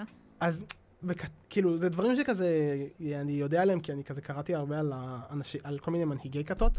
אז נגיד, אה, יש את קית' רנירי, עם, ה, עם הכת הזאת שהם עשו branding לנשים, בארצות הברית, עם השחקנית הזאת ששיחקה בסמולוויל. וואי, מוכר לי. מה זה מק. branding? זה כמו שעושים לפירות, הם עשו להם את זה? הם עשו את זה לנשים, אז זה כן. מוכר לי, כאילו, זה- התפוצץ עם מזמן פשוט. אליסון הזאת, כן. אני זוכרת שראיתי על זה משהו, אבל אני לא זכרתי שהם קראו עושים את זה. להם נקסיו או משהו, מי שהנהיג את זה קראו לו קית' רנירי. אמ, כן, כן, מוכר לי, אוקיי. אז, זו כת משוגעת שכאילו, ואתה שואל איך, אנשים מגיעים למצב שהם כאילו מאפשרים, שהם מסכימים לעשות דברים כאלה לעצמם? זה הכי מעניין. זה הכי מעניין. ואחד הדרכים שכאילו כתות עושות את זה, זה שהן יוצרות מצב, הן נורא דומות למערכת יס... יחסים אביוסיב, מהמם. כאילו שבה המקור של, ה... של התמיכה והחיזוק שלך, הוא גם המקור שמתעלל בך. כן, זה ליצור איזושהי התמכרות לבן אדם, כאילו, Mm. כ- כתומך ו- היחידי כן. בחיים שלך, שהוא גם... אז כל זאת אומרת, זה בעיקר יצירת תלות. זה ב- העניין. בדיוק, יצירת תלות בבן אדם, ואז כאילו, כל, אבל גם לתת לו אהבה, אבל זה כאילו, זה חלק מזה, הוויפלש, הוויפלש הרגשי הזה של רגע אחד לתת אהבה, רגע אחד לתת זעם, יוצר מצב שאנשים לא יודעים איך להתמודד עם זה. זה כאילו, אנחנו, כשמישהו כאילו צועק עלינו, ואז אוהב אותנו, ואז צועק עלינו, ואז אוהב אותנו, אנחנו... ברור, זה להיות תמיד באיזושהי בלבלה כזאת של ובתוך הבלבלה הזאת, מה אז מרגישים כלפיי, איפה אני ממוקם בתוך הדבר הזה. בדיוק. אז אתה, בתוך הבלבלה הזאת, אתה, אתה נורא קל להגיד לך לעשות משהו ואתה תעשה בלי לחשוב. והמקור של הכ... ובגלל שכאילו... אתה גם הופך להיות באמת נורא מרצה. בגלל שיש לך את התלות הזאת, אז ברור כאילו שהבן אדם שאתה תלוי בו יגיד לך לעשות משהו, אתה, אתה תעשה אותו. אתה תרצה לרצות אותו מאוד, כדי נכון. שהוא ייתן לך את היחסי האהבה שאתה רוצה ממנו, ולא את היחסי בדיוק. כאילו הוא- כאב. כשאתה, כשאתה, כשהוא מכאיב לך, המקום היחיד שאתה יודע שיכול לתת לך אהבה, זה אותו מקום שמכאיב לך. אז אתה כל הזמן חוזר אליו. כן. זה הלופ. וזה גם העניין הזה של... אה, שהאהבה הופכת להיות משהו שמקושר עם סבל ועם כאב, כאילו... כן, אז זה, זה, זה בא ביחד, כדי להרגיש אהבה אני צריך לסבול גם. בדיוק. ואני חושב שזה מה, ש... זה מה ששונה אצל לי מהאחים שלו עוד יותר. כי בגלל שהם רק סובלים ממנה, אז קל להם לשנוא אותה באיזשהו מקום, נראה לי. בדיוק. קל להם ליצור מרחק. אבל לי כאילו גם מקבל ממנה אהבה, אז הוא נעשה גם תלותי. וזה כאילו, הרי, זה המקום שאני כזה מרגיש, נורא מרגיש אותו. אמ, feel for him. כן, כאילו הוא בן תשע והוא כל הזמן עובר דירה והוא כבר, מתחיל להיות ילד. אמ, וכאילו לתקופות, יש לו תקופות של שיפור, כאילו אם היא נמצאת כמה חודשים בניו יורק, היא מתישהו עוברת לניו יורק, תכף נגיע לזה, אבל הוא, אבל הוא, הוא יש לו תקופות של יציבות, אבל זה לא מצליח, וכנראה גם יש לו דיסלקציה, אז הוא לא מצליח לכתוב ולקרוא כמו שצריך, אז יש לו גם קשיים בלמידה. זה מעניין, אני שמתי לב... טוב, זו סתם הבחנה שלי, כן? Mhm. שום דבר אה, מדעי או משהו כזה, אבל... כן. אה, אה, שמתי לב שיש אה, סימפטומים מאוד דומים לאנשים בחיים שלי עם דיסלקציה. זאת אומרת, אה, מה זאת אומרת? אה, ה- הקשיים שהם חווים מול המקום הזה של להיות דיסלקט, מתבטאים אצלם באופי בתכונות מסוימות. כמו מה? אה, וואי, אני מנסה להיזכר, אבל כאילו, גם האקס שלי היה דיסלקט, מהמם. וגם, אה, וגם איזושהי חברה שלי גם ש, שעבדתי איתה אז בחו"ל. אה, לשניהם היה נגיד נורא את המקום הזה של אה, הם, הם נורא צריכים להוכיח את עצמם. מעניין. כן, כי uh, יש להם את המקום הזה של התחושה של הנחיתות מול אנשים אחרים. כל מהמם. המקום הזה של ההתמודדות בבית ספר, של ההתמודדות עם לקרוא דברים, שהם תמיד הרגישו כאילו הם לא בסדר, שצחקו עליהם, שכאילו הם היו פחות. מהמם. יש להם מין איזשהו, איזושהי עקשנות כזאת חזקה ואיזשהו איזשהו מקום כזה נורא חד, חזק של צורך להוכיח את עצמך כל הזמן מול מהמם. העולם. כאילו, סתם, זה, זה אנקדוטה שלי. זה מעניין. זה, אני, זה אני תוהה. אם זה ייחודי לכל מי שיש לו קשיים אה, שהם לא קשיים שהוא בחר.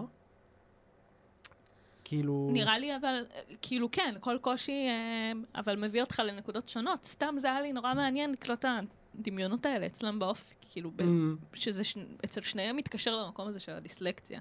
מעניין. זה- הם, הם גם אומרים את זה על עצמם, או שזה אני זוכרת שדיברתי איתה על זה קצת, אבל... אה, איתו כי- פחות? כאילו... אה, אה, כי הרי הבנתי כאילו את הדמיון רק Mhm. אחרי שדיברתי על זה איתה, אבל... כן, לא, הם, הם, הם מבינים גם שזה קשור למקום הזה. כן. זאת אומרת, זה איזשהו מקום של כאב נורא גדול. אז אתה אומר שהוא היה דיסלק? הוא היה דיסלק. לא, לא אבחנו את זה אז, כי זה שנות ה-50. זה יכול להתקשר למקום הזה של להוכיח. סתם כן, מחשבה שלי. זה, זה הולך לחזור גם, אז, אז יכול להיות מאוד שאת צודקת. אמ, וכאילו... אבל הוא, אבל הוא גם, כאילו, ילד, הוא ילד בודד והוא שקט בכיתה. אחת המורות, הוא ממש אוהב אותה, הוא מביא לה מתנה גם מתישהו. אמ, אבל יש גם תיאורים, כאילו, זה תיאור אחד שאני רואה, ומצד שני נתקלתי בעוד תיאורים של הילדות שלו בתקופה הזאת. יש איזה שכן אה, שהיה משחק שח עם, שכן מבוגר שהיה משחק שח עם אח שלו, ג'ון. אה, ג'ון היה בפנייה צבאית, אבל כשהוא היה חוזר הביתה, אז הוא היה משחק עם השכן בחצר. מהמם. והשכן הזה אומר שהוא היה רואה את לי, מטייל בשכונה, מחפש ילדים לזרוק עליהם אבנים. אינתיפאדה. ילד בן תשע מחפש ילדים, כאילו, לזרוק עליהם אבנים. לא יודע, כאילו, מתביית. זה... אמ, וכאילו מתחיל להפגין סימנים של אלימות כלפי חוץ. ומרגרית, שהיא לא הייתה אף פעם בן אדם חכם בלהתמודד עם דברים, ולא יודעת איך לפתור את זה, מחליטה שהדרך לחנך אותו זה להשאיר אותו כל היום בבית. והיא מתחילה ללמד אותו שהוא לא יוצא מהבית. אתה לא יוצא מהבית, אתה יוצא מהבית ספר, אתה רץ הביתה. הוא בורח הביתה מהבית ספר. מהמם. היא עושה לו חינוך כמו לכלב, כאילו, אתה רץ הביתה, הוא כל היום בבית, היא לא נותנת לו לצאת. אם הילד שלך מקמק שיצא, ברגע שהוא מראה קצת אלימות, מרגרית מחליטה, אוקיי, אתה נשאר בבית, אתה נשאר איתי, אתה נשאר קרוב אליי, אתה נשאר קרוב אליי. עוד יותר איסוליישן מהחברה, כן? תחשבי ילד... ועוד יותר תלות, כאילו, עוד יותר... אה, בדיוק, זה אימא שלי, זה כל מה שיש לי. בדיוק. אימא שלי זה כל מה שיש לי. מתישהו שוב, ליליאן אומר, פונה אליה, אומרת, בואי, אני אעזור לך, כאילו, תשלחי לי אותו לתקופה, אני מבינה שקשה לך. אה, ומרגרית אומרת, סבבה, ושולחת אותו ברכבת. אה, לא ציינתי את זה כי הם עוברים מלא מלא מלא דירות, אבל היא כבר, היא גרה יחסית רחוק עכשיו מאחותה. זאת אומרת, אחותה עדיין בניו אורלינס, היא גרה בפורט וורת', אני חושב, אני חושב שהיא גרה... אני לא זוכר באיזה איפה, איפה היא גרה בשלב הזה, אבל היא שולחת אותו לבד ברכבת לנסיעה שלוקחת איזה יום. ילד בן עשר בערך, יושב לבד ברכבת במשך יום 500 מייל, עד שהוא, עד שהוא מגיע, כאילו. כשהוא מגיע, אז ליליאן שואלת אותו, איך היה הנסיעה? מה, הגעת לבד? דיברת עם מישהו בדרך? הוא אומר, לא, לא דיברתי עם אף אחד, אמא אמרה לא לדבר עם זרים. זאת אומרת, הוא ישב לבד ברכבת במשך יום שלם ולא דיבר עם אף אחד. מוזר קצת, עצוב קצת. ממש עצוב. ממש ממש עצוב. כן. כן. איזה אה, הזוי זה.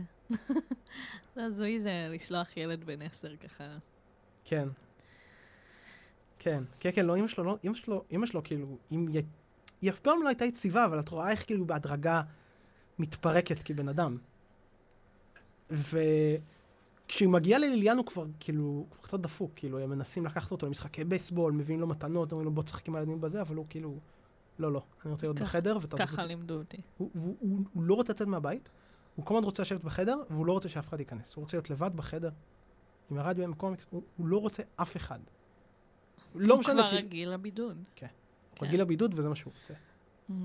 וכאילו, ליליאן כזה לא יודעת מה לעשות, בסוף היא אומרת לך, אתה תיקחי אותו, וליליאן מציגה את זה כ... אה, לא היה לי שום ברירה, לא ידעתי מה לעשות, אבל אני חושב שהוא פשוט הקריפ לו את הצורה. כאילו, זה, זה, זה קריפי, זה מפחיד. יש לך ילד בבית שנשאר בחדר, והוא כמו ילד אימו, מה- אבל בצורה, כאילו, אה, הוא כבר בן 12, כאילו, כל ה... אני מדבר, אנחנו רצים על שלוש שנים שכאילו זה בהדרגה נהיה יותר והוא. ילד מוזר. הוא ילד מוזר. ו... ומה קורה איתו? ומה קורה איתו עכשיו? אז- ואז הם עוברים לניו יורק. אה, הם עוברים לניו יורק. אני רוצה קצת כאילו לרוץ טיפה קדימה, אבל מה שקורה זה שהוא עובר לניו יורק. תמצת. כן, הוא פוגש את אח שלו שהתגייס לקוסט גארד, כי אח שלו היה בפנייה צבאית ועכשיו הוא, מת- עכשיו הוא התגייס. אה, וג'ון הוא בן 20 עכשיו והוא כבר נשוי עם ילד. וואלה. כן. אוקיי. אה, הם מטיילים לפסל החירות, הם נהנים מאוד.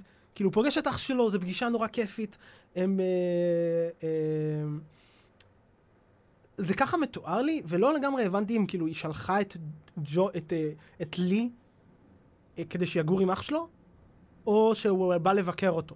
זה לא היה כל כך ברור לי. אני חושב ש, שמרגרית שלחה את לי, כאילו שיגור אצל אח שלו, כזה קצת, ונורא כיף להם. רגע, הם... הוא חזר אליה?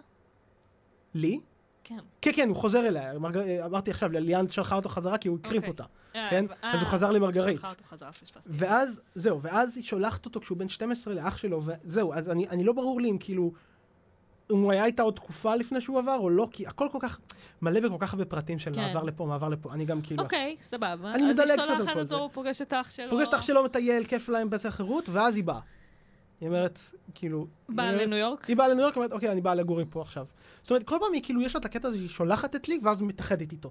נפטרת ממנו, חוזרת אליו. נפטרת ממנו, חוזרת אליו. גם לה יש תלות בו, בדיוק. זה, זה כזה. תלות הדדית.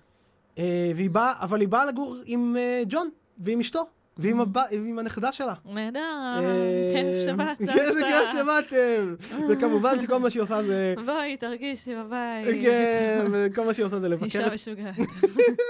אמ, היא לא מפסיקה, וכמובן שהיא כאילו החותנת הכי מחורבנת שיש. היא רק כאילו מבקרת אותם ואת הבית, ויורדת על אשתו של ג'ון, מרג'י. אומרת, מרג'י לא טובה, היא, היא, מקללת, והיא לא ברמה גבוהה, והיא לא מספיק טובה בשביל הבן שלי ג'ון, ובלה בלה בלה בלה בלה, וכאילו, היא בלתי נסבלת. ח- חמה טיפוסית. עד שמרג'י אומרת, עד שכאילו, זה, וזה מצטבר עד שמרג'י אומרת כאילו לג'ון די, אני לא יכולה יותר, שיעופו מפה. אמא שלך, אמא שלך לא נורמלית, אני לא יכולה לגור איתה, לא רוצה אותה לא בבית רוצה שלי? אותה בבית שלי. ו- ולי נחלץ להגנת אמו ומתקיף את מרג'י. הוא שולף עליה סכין. הוא שולף עליה סכין. קיצוני, כן. כן. אמ, ואומר לה דה דה דה דה דה דה דה דה, והיא בורחת, כאילו על מרג'י, על, זה את לא תגרשי אותנו, זה אמא אמירה שלי. חזקה, דה דה דה דה. זה אמירה ממש חזקה. אין לי מושג מה הוא אמר לה. אני רק יודע שהוא קיצור, הוא. מאיים עליה. הוא מאיים עליה, כן. ומה קורה? אה, ג'ון מנסה לדבר עם אח שלו, ואח שלו, כאילו, ג'ון חוזר הביתה, הוא כאילו צריך להתעמת עם כל הדבר הזה. כאילו, מרג'י רוצה שהם, אה, אני אעשה לך קצת סדר, מרג'י רוצה שהם יעופו, ולי מאיים עליה כשג'ון לא בבית. זאת אומרת, הוא מחכה שג'ון לא יהיה בסביבה. אז כשג'ון חוזר הביתה, אז כאילו מרג'י כמובן מספרת לו הכל, וג'ון הולך לדבר עם אח שלו, ואח שלו אטום, הוא אומר לא, לא, לא, לא, לא, לא, לא. אה, הוא בצד, כאילו, הוא לגמרי בצד של אימא שלו, והוא לגמרי רב עם אח שלו, וכאילו, אין שום סיכוי, ובסוף מרגרית ולי עוזבים. כשנוצר בעצם שבר נורא נורא עמוק ביניהם. זאת אומרת, מבחינת לי, ג'ון בוגד באימא שלהם, כן, כן? כן. אמ, וג'ון כאילו מגלה שהוא לא יכול להשפיע עליו. זאת אומרת, כאילו, לי לא מקשיב לו יותר. אם פעם הוא הריץ אותו בתור דמות אבא וזה, עכשיו הוא כבר כל כך אייסולייטד. המערכת יחסים השתנתה. השתנתה, כן. אה, והיא מנסה להכניס אותו לבית ספר, והוא אה, כאילו לתקופה משתפר, ואז מהר מאוד שוב מבריז, מבריז, מבריז, מבריז, מבריז. אה, לא מגיע לבית ספר, לא עושה כלום. לא יודע מה הוא עושה בתקופה רגע, הזאת. בן כמה הוא היה בה? עכשיו הוא בן 13 כבר. 12, הוא 13. איים עליה בגיל 12 כן, כאילו? כן, כן. לא נראה שזה היה איום רציני, לא נראה כאילו שבאמת- פתאום אני קולטת את זה, כן, כן. שהוא- היה ילד, כן, כן, כאילו. כן. כי, כי בגיל הזה הוא עדיין גם, כאילו, הוא גם תל- תלותי באימו, אבל הוא גם עדיין בצד שלה, הוא עוד לא ביקורתי כלפיה. הוא בהתחלה של גיל ההתבגרות. כן. אם ג'ון כבר מסוגל להסתכל על אימא שלו הרבה יותר בביקורתיות, לי עוד לא שם. אמ, והוא הוא מבריז בבית ספר. מה זה? לא, שהוא עדיין מגונן עליה. כן. אה, וכאילו, זה גם גיל כאילו נורא סוער כזה. זה בדיוק הגיל שאתה מתחיל. כאילו להיות באיזושהי סערה. בדיוק. והוא מתחיל להבין את המקום שלו בעולם, והוא והוא רב עם אח שלו, והוא אה, הוא לא הולך לבית ספר, הוא מעדיף להישאר בבית ולקרוא, או לטייל כל היום ברכבת התחתית, הוא פשוט הולך לרכבת, נוסע כל היום ולא מדבר עם אף אחד.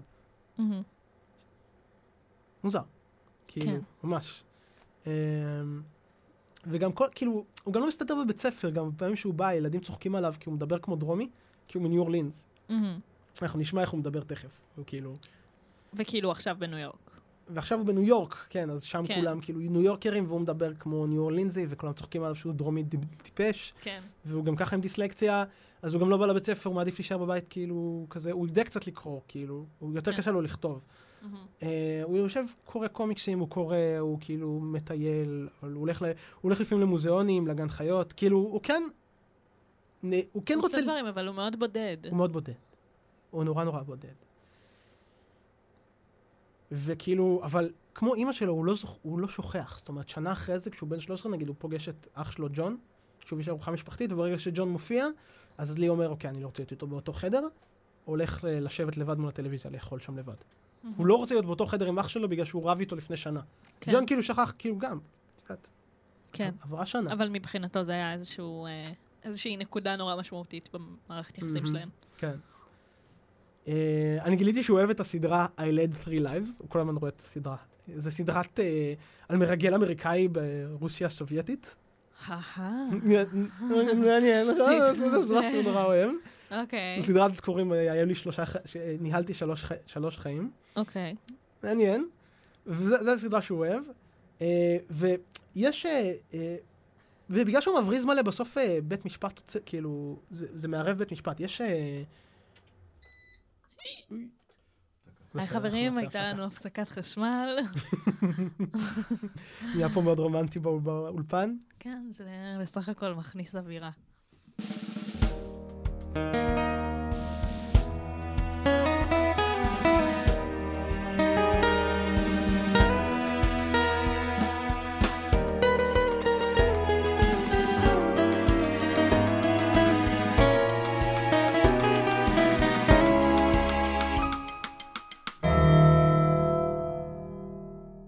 וחזרנו! שוב, ממתינים לפיצה. ממתינים לפיצה שהזמנו. אה, בפעם האחרונה, כשעזבנו, אה, לי היה ילד מתוסבך מאוד רגשית שגר בניו יורק עם אימא שלו, רב עם אח שלו. אה, הוא אוהב את הסדרה I led three lives, על מרגל אמריקאי. בס... ב- מאוד בודד, מתבודד. אה, ועגום. כן, וגם מסרב לעזרה. ומסרב, אה, וגם אה, חוטף בולינג כן, מהחברים שלו שטוענים במרכאות. שהוא דרומי. כן. אמ, ו- ובתקופה הזאת, כאילו, אם ילד לא מגיע לבית ספר, יש, יש משהו שנקרא truancy. אה, truancy זה כש, כשאתה מבריז יותר מדי ממנדטורי, כאילו, אתה חייב ללכת ללימודים. הילד שלך חייב ללמוד. חינוך חוק חינוך חובה. חובה. אז זה עבירה על החוק כשהילד שלך לא הולך לבית ספר. מהמם. אני חושב שזה עדיין קיים. אני חושב שזה משהו שעד היום, כאילו, אם אתה לא שולח את הילד שלך לבית ספר כשהוא בן עשר, אני חושב שאתה צריך לשלם איזשהו מחיר. כאילו, המדינה מתערבת. אז אה, כאילו, ג'ון אומר לה, תקשיבי, הוא לא בסדר, צריך לקחת אותו לטיפול. גם, כאילו, גם המשפחה אומרת למרגרית, תקשיבי, הוא, צריך עזרה. אה, והבית משפט קובע, שש... הבית משפט שולח אותו. לבית לנוער, זה נקרא youth house, מהמם. אבל זה, זה כאילו סוג של כלא, זה כלא לנוער כאילו, אוקיי. אז לא קוראים לזה כלא, אבל זה מין אה, פ- פנימיית עבריינים כזאת. כן, משגיחים שם כאילו להשגחה פסיכיאטרית, כשמרגרית בודק, בא לבדוק אותו, אז כזה בודקים אותה גם שהיא לא מבריחה לו סיגריות, זה כאילו ממש כזה עם הבטחה, מהמם. אה, והוא כאילו לא טוב לו שם, הוא אומר לה, יש כאן ילדים שהרגו אנשים. אה, ממש עבריינים קשים. כן, והוא אומר, יש כאן ילדים שהרגו אנשים ומעשנים סיגריות. כאילו. זה מה שהוא אומר לו. בא- ב- באותה רמת כן, חומרה. כן. אמ,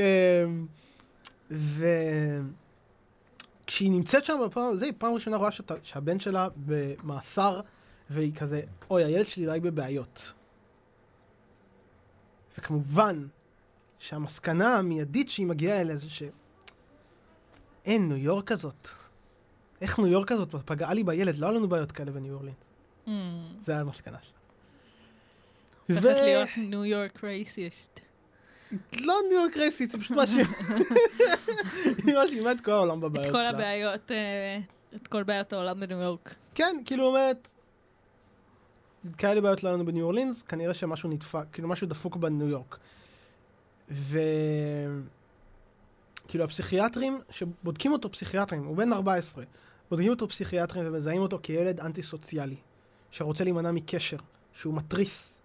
אה, אחת הפסיכיאטריות אומרת הוא ילד חכם ואינטליגנטי עם יכולת מוגדלת לחשיבה אבסטרקטית, חרדה עזה, ביישנות ורגשות של חוסר ביטחון ועולם פנטזיה של אומניפוטנטיות. זאת אומרת, שמה זה אומר? הוא מפנטז כל הזמן על עולם שבו יש לו, הוא כל יכול. מהמם. אמ, מין אה, תסביך גדולה כזה. זה עוד לא תסביך גדולה, זה מין כאילו, יש לי עולם פנטזיה נורא עשיר, ובתוך העולם הזה אני הרבה פעמים מפנטז על זה שאני, אי אפשר לעצור אותי ואני הכי חזק והכי טוב והכי... וכל יכול. זה המשמעות של אומניפוטנטיות. אוקיי. ההפך מהיפותטיות. Uh, וכשהיא שואלת אותו אם הוא מעדיף נשים או גברים, הוא אומר שהוא לא אוהב את אף אחד. זו התשובה שלו. Uh, אז כמובן שכאילו... כאילו, לרגע החוק מתערב ואומר, היי, יש פה ילד עם בעיות רגשיות עמוקות, שנובעות מהזנחה של האימא שלו, הם גם מזהים שאימא שלו לא שפויה. מהמם. הם מזהים אותה, הם אומרים... שהיא מזדיחה. שהיא מזניחה אותו, הם חושבים שגם לה יש את אותן חרדות ובעיות פסיכולוגיות, כאילו שגם היא צריכה לעבור טיפול. זאת אומרת, הם אומרים, גם היא בבעיה, גם לה יש בעיות וגם לה צריך לעזור. אמ, הם אומרים שלי, במנטליות שלו, הוא לא קיים בכלל כבן אדם נפרד. הוא רואה הוא ממש המשך של אימא שלו. שזה מעניין, זה כאילו ממש הזכיר, כאילו לקח ממנה את כל החרדות שלה ואת כל הבעיות שלה. והוא גם רואה את עצמו כחלק ממנה, ולא. כבן אדם עצמאי. זה חלק מה, כאילו מהפגימה בזה. כלומר, התלות הזאת הופכת למצב שאת, שלבן אדם אין זהות משל עצמו. בעצם. אמ, והשופט אומר, אנחנו נשחרר אתכם מה-youth house, אבל אתם חייבים ללכת לעבור טיפול פסיכולוגי, אתה חייב ללכת לבית ספר, אתה חייב, כאילו יש כמה חו- מחויבויות, כן? אמ, כאילו, אין, אם- אם אתם רוצים אה, לא ללכת לכלא, אתם צריכים כאילו... לעמוד בתנאים האלה. כן. אה, ומרגרית אומרת, בסדר, בסדר, אין בעיה, זה מה שנעשה, לוקחת את הילד שלה, ואז אומרת, מה פתאום, מה זה, זה סתם, מפחידים את הילד שלי, הוא מושלם, הוא לא צריך שום טיפול, זה לא קשור אליי, זה הכל ניו יורק, סתם מציקים לי, צריך לעזוב אותנו בשקט, לעזוב אותנו בשקט. היא לא באה לבית משפט, היא משקרת לנציגים של הרשויות, היא... היא... הוא, הוא כאילו מגיע קצת לבית ספר, ובבית ספר הוא מטיס מטוסי נייר, אבל כזה לא עושה שום דבר. אה, היא, כל פעם שמנסים לפקח עליהם, אז היא כאילו עושה, בונה חומה, עד שב-1954 היא אומרת, זין על הכל, בורחת עם לי חזרה לניו אורלינס. מהמם, עכשיו הוא בן... אה, בן 16. מהמם, 15-16 כזה. מהמם. חוזרים לניו אורלינס. אה, וכאילו בתקופה הזאת אף אחד לא יודע לאן היא הלכה. כאילו, היא יוצאת מהתחום jurisdiction של ניו יורק. זאת אומרת, היא עברה כן. לניו יורק עם לי, זה, זה הסתבכו עם החוק, כי שם כאילו היה יותר אכ- אכיפה כנראה. ואז ברגע שרצו לטפל בהם, זה כאילו היה חלון ההזדמנויות האחרון להציל את הילד הזה. מהמם. היא בורחת איתו, חוטפת אותו, ממש חוטפת אותו, כאילו ככה אני רואה את זה. כן. משאירה פתק, הלכנו, לא אומרת לאן, מהמם. הנציגים לא יודעים, אין החלף. אין איך לעקוב אחרי זה. אין, כאילו. אמ, וכשהוא חוזר לניו יורק, לניו אורלינס, אז בבית ספר הוא עדיין לא מצליח למצוא חברים, גם כי הוא לא עבר שום טיפול, וגם כי עכשיו צוחקים עליו שהוא ניו יורקר. כאילו, צריכים לקרוא לו ינקי וזה. אה, והתגובה שלי... הוא לא שייך פשוט בשום מקום. בשום מקום. והתגובה שלו לכל הילדים שצוחקים עכשיו זה לא להסתגר, אלא ללכת איתם מכות. וכל הילדים יודעים שהוא הולך מכות. זאת אומרת, אתה... פשוט התפרצויות אלימות. מהמם. הוא פשוט הולך מכות עם כל ילד שכאילו... זה, והוא הוא עם מעט מאוד יכולת לתקשר. אחד, אחד הח- אה, הילדים נהיה חבר, זה קצת עובד, כי אחד הילדים נהיה חבר שלו אחרי שהוא חוטף אגרוף בפנים. אחרי שהילד אה, חוטף אגרוף בפנים, אחרי אגרוף. שלי חוטף לי חוטף, הולך מכות, חוטף אגרוף בפנים, ואז מישהו אומר, אוקיי, אני רוצה להיות חבר שלו. הגיוני, קרה לכולנו. קרה לכולנו, נכון? חוויה... חוויה משותפת. אה, הילד הזה חטף אגרוף בפנים. עכשיו אני אהיה חבר. שלו. כן, נייס. אני חושב שזה אולי כאילו הפך אותו ליותר אנושי, כאילו קצת, כי פתאום הוא היה כאילו... הוא ראה את לי חוטף מכות, וכאילו הוא אמר, הוא פגיע. הוא פגיע קצת, ואולי היה לו דלת להיכנס. לא יודע, הילד קצת מתבגר, כאילו, בכל זאת, זה, זה גם גיל. זאת אומרת, הוא מתחיל לעבור לגיל 15-16, הוא מתחיל, הוא מתחיל להיות יותר גבר. מתבגר, כן. כן. אז הוא כן כאילו איכשהו מנסה... אה, זה, אבל גם, כאילו, יש לו גם כל מיני סיטואציות מצחיקות. הוא, הוא עולה מתישהו לאוטובוס, והוא מתיישב בחלק של השחורים, מאחורה, מהמם. בטעות, כי הוא פשוט לא, הוא לא יודע, הוא בא מניו יורק. ושם זה אין לא את זה? מה זה? ובניו יורק זה לא ככה. בניו כן. יורק זה לא ככה, אז אין לו מושג. אז הוא כאילו עולה לאוטובוס, ומתיישב עם השחורים, ואין לו מושג שהוא עושה בזה אמירה... אין לו מושג שהוא... אמירה פוליטית. כן, אין לו מושג שזו אמירה פוליטית, אבל ברגע שהוא יורד מהאוטובוס, אז כמה ילדים שראו אותו, באים ומרביצים לו מכות. לבנים. כן, כמובן. כן. כי, כי מה, מה אתה יושב עם השחורים? וכאילו מבחינתו בא, כמה חברים באו, הוא נסע באוטובוס ופתאום סתם אנשים באו להרביץ לו מכות. כן. כאילו, הוא לא הבין את ההקשר, או ש... הוא פשוט לא, כן, הוא לא מבין את ההקשר, כי הוא בא, מן- הוא, גד, הוא כאילו, בגיל הראשון, בשנים הראשונות של ההתהוות שלו, הוא עבר לניו יורק, אחרי שהוא עבר כל הפעם, כל הזמן, והוא תלוי באימא שלו, ובקושי יש לו חברים, והוא חוזר מניו יורק, אז הוא, אז הוא רגיל לניו יורק קצת. הוא היה מטייל שם, הוא היה נוסע ברכבות, והולך למוזיאונים, וכאילו, בכל זאת, הוא הכיר קצת את העיר, יצא לו קצת, כאילו, לחוות את נכון. העיר. כן. כן.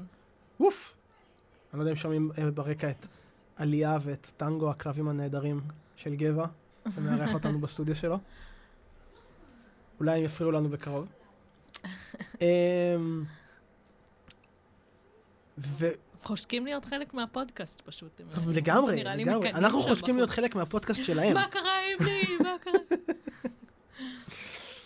אמ, והוא כאילו כזה און אוף בבית ספר, ויש לו גם קצת את החבר הזה, והיחסים שלו עם אמא שלו, מתישהו פה משתנים. עכשיו, אני לא יודע איך זה קורה, כי כל התקופה הזאת הוא ואימא שלו די כאילו, אחד עם השני, אבל איך, אמ, החבר הזה בא לבקר אותו מתישהו, אה, ו... והוא אומר כאילו שלי צורח על אמא שלו. הוא מדבר, מתייחס אליה כמו משרתת. זאת אומרת, לי חוזר הביתה, אמא, תביא לי אוכל! והיא ישר מביאה, והיא כאילו עכשיו מנסה לרצות אותו כל הזמן. אמ, אז... העמדות השתנו. אני לא יודע אם הם השתנו כמו שכאילו ככה זה עכשיו, הוא כאילו התחיל להיות להתבריין עליה, והיא נהנית לזה ומרצה אותו, אבל היא גם צורחת עליו והוא צורח על... זה כאילו, השכנים שומעים אותם צורכים הרבה, הם צורכים אחד על השני. זה בית לא נעים. זאת אומרת, אם כשהוא היה ילד הוא היה לגמרי להגנתה ופאפי שלה, עכשיו שהוא מתבגר, אז הוא עדיין פאפי שלה, אבל הם גם צורכים אחד על השני, והוא גם, כאילו, יש בו את האלימות הזאת. כן. אוף, אוף. ווף ווף. אמ, והוא קון, הוא מת לא להיות בבית ספר, הוא בכלל לא רוצה לבוא. 11 יום לפני היום הולדת הש- בן 16 שלו, שהוא בן 16, הוא כותב מכתב מזויף בשם אימא שלו לבית ספר, שהם עוברים לסן דייגו. הם לא עוברים לסן דייגו. הוא מחליט שהוא חכם מספיק ושהוא לא יכול ללמוד כלום בבית ספר, והוא רוצה ללכת ישר לחיל הים כמו האחים שלו, כן? כי הם היו כזה בפנימייה צבאית, ואז עברו לחיל הים וזה, והוא רוצה להיות כמוהם במרינס. אה, הוא מנסה למצוא עבודה, הוא משקר שהוא בן 17, זה לא ממש עובד, הוא מדי פעם מצליח למצוא עבודות מזדמנות בשליחויות, והוא מתחיל לקרוא ספרים של קרל מרקס, אוקיי? אוקיי. הוא מתחיל לקרוא ספרים של קרל מרקס, ופתאום הוא מתחיל להיות נורא נורא נורא נורא שמאלני קומוניסט מרקסיסט. מרקסיסט. ומה שאני חושב, איך שאני קורא את זה, כאילו, גם החבר שלו אומר, הוא לא באמת, אה, כאילו, החבר האחד שלו מהלימודים אומר עליו, הוא לא, הוא לא באמת, לא הבין את הרעיונות האלה ולא לא מאמין בהם, אבל זה נותן לו דרך לתקשר עם העולם בצורה נורמטיבית, אני חושב. זאת אומרת, פתאום הוא, הוא יכול, במקום להרביץ לעולם, הוא יכול להתווכח איתם על ויכוח פוליטי. אז הוא mhm. קורא כל מיני ספרים, ואז הוא כאילו, אה, דה דה דה דה דה דה דה, וכאילו במקום הזה יש לו... הוא מוצא את הדרך שלו להביע את עצמו איפה, כאילו באיזושהי כן, צורה. כן, כן. אני חושב גם אם שזה... זה לא האמונה עד הסוף שלו. זהו, זה לא משנה מה הוא חושב, כי הוא כאילו פשוט מחפש דרך לתקשר עם העולם. הוא לא יודע איך להיות, הוא אנטי סוציאלי, הוא לא יודע איך לתקשר עם אנשים, הוא לא יודע איך לנהל שיחה. אבל פתאום יש לו איזשהו נושא עניין שהוא מבין בו, אז הוא מרגיש שהוא יכול כן, כן. לתקשר. וגם כאילו, זה כזה, חלק מזה אני בטוח שהוא גם כאילו, זה באמת התחבר לו, זה הרגיש לו נכון, כי אני, אני גם מאוד מתחבר להרבה, להרבה מהעמדות שהוא מעמיד פנים שהוא מחזיק בהם, מהמם. אפילו אם כאילו אני רואה גם את האיפה שהוא לא מבין את זה עד הסוף. אני כאילו בעמדות שלי, אני כזה מסתכל ואומר, כן, זה נכון, אבל אה, כאילו אני לא יודע אם אתה אם אתה באמת מבין על כן. מה מדובר. כן. Um, ובגיל 17 הוא מתגייס למרינס. ומת, ולא ברור מתי, כאילו, שם, אבל כנראה בתהליך הזה של ההתגייסות למרינס, הוא בא לשם עם מטרה. והמטרה הזאת היא תוכנית מאוד מאוד מאוד מתוכננת היטב, והתוכנית הזאת הוא הולך לעבוד עליה עכשיו במשך שנתיים. לתוכנית הזאת אומרים, קוראים לברוח מאימא, והדרך שהוא קורא לזה, זה לערוק, ל- לערוק לרוסיה. זאת אומרת, הוא מחליט, אני עכשיו אכנס לצבא, אני אעבוד שנתיים, אחסוך כסף, ואני בורח לרוסיה. ואנחנו מבינים כאילו במובהק שזו התוכנית להתנתק מאימא, כאילו? אני חושב. אוקיי. זאת אומרת, אנחנו תכף נגיע לזה ותגידי לי מה את חושבת. בקיצור, הוא רוצה לערוק לרוסיה בשלב זה. הוא אומר, אני כאילו, רוצה, אני קומוניסט, והוא בהדרגה מתחיל להגיד, אני רוצה, כאילו, אני מאמין ב- ברוסיה הסובייטית, וזה, וב, ואני לא נגד הקפיטליזם, והוא כאילו אומר, טוב, אני צריך כסף, זה, אני צריך משהו יציב, הוא רוצה ללכת לצבא, גם כי האחים שלו היו שם. הוא מתגייס בגיל 17, ובמהלך הצבא הוא מנסה ללמוד רוסית, הוא קורא הרבה קרל מרקס, כל- אה, וכולם צוחקים עליו, כאילו, הם קוראים לעצמו, אה, אה, הם צוחקים עליו שהוא קורא לעצמו מרקסיסט. אה, הם קוראים לו אוסוולדקוביץ', אוסוולד כי קוביץ'. קוראים לו אוסוולד, אז הם הוסיפו לזה קוביץ' שהוא יהיה רוסי. Mm, לי אוסוולד קוביץ'. המרגל. המרגל. שוב, כן, כל המקום הזה שגם מרגל אמריקאי ברוסיה, זה כזה, כן. יש לו פנטזיות כאילו. כן, זה גם בדיוק מתחבר לילדות שלו עם התוכנית הזאת. כן. אה, הוא גם מתווכח, גם כאילו, בצבא הוא מתווכח הרבה עם חברים, כאילו, הוא מתווכח עליהם, מנהל איתם ויכוחים פוליטיים, אני חושב שהוא גם לומד איך להתווכח, כאילו. כזה, זה כאילו פעם ראשונה שהוא כזה ממש מאתגר את עצמו מול אנשים שהם לא זה. אה, הוא עובד בתור אה, ברדאר או משהו, הוא עושה איזה תפקיד טכני ב- ב- בתחום של רדאר ושידור ומשהו כזה. מהמם. הוא נמצא שם שנתיים, הוא חוסך 600 דולר, זה הרבה מאוד כסף בתקופה הזאת. וכשהוא מסיים את הצבא, אחרי, כאילו אחרי שהוא מסיים שנתיים, הוא honorably discharge, אה, והוא יוצא למסע. עם הכסף שהוא חסך, הוא, הוא אומר לאימא שלו שהוא נוסע לב, ל, לאירופה לעבוד, מהמם. אה, והוא לוקח אונייה לצרפת. הוא מגיע לצרפת, מצרפת הוא נוסע ללונדון.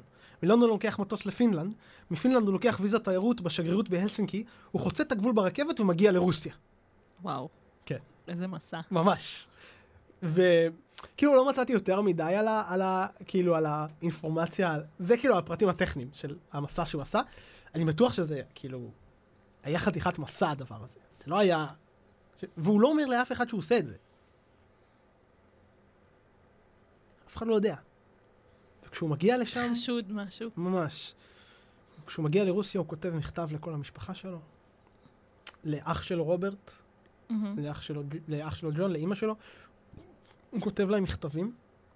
והוא כותב להם שהוא מנתק קשר, שהוא מתחיל בחיים חדשים, ואל, אה, אל תחפשו אותי. אל תחפשו אותי, לא רוצה לשמוע על שום דבר, לא רוצה כאילו זה, אתם מתים בשבילי, אתם זה, אתם פשוט, הוא משתמש במינוחים כאילו קומוניסטיים, הוא אומר, אתם רק חלק מהסובייקט וזה, אתם לא, ממש כזה, כאילו, האדם החדש, זה, זה, זה, זה כזה, אתם חלק מהמערכת הקפיטליסטית, והוא כותב לאח שלו, שאח שלו גם היה, גם בצבא, וזה רוברט, אז הוא כותב לו, אה, אני עכשיו הולך להקדיש את עצמי לאימפריה, לאיחוד הסובייטי, אני הולך להיות חלק מהסובייטים, ו...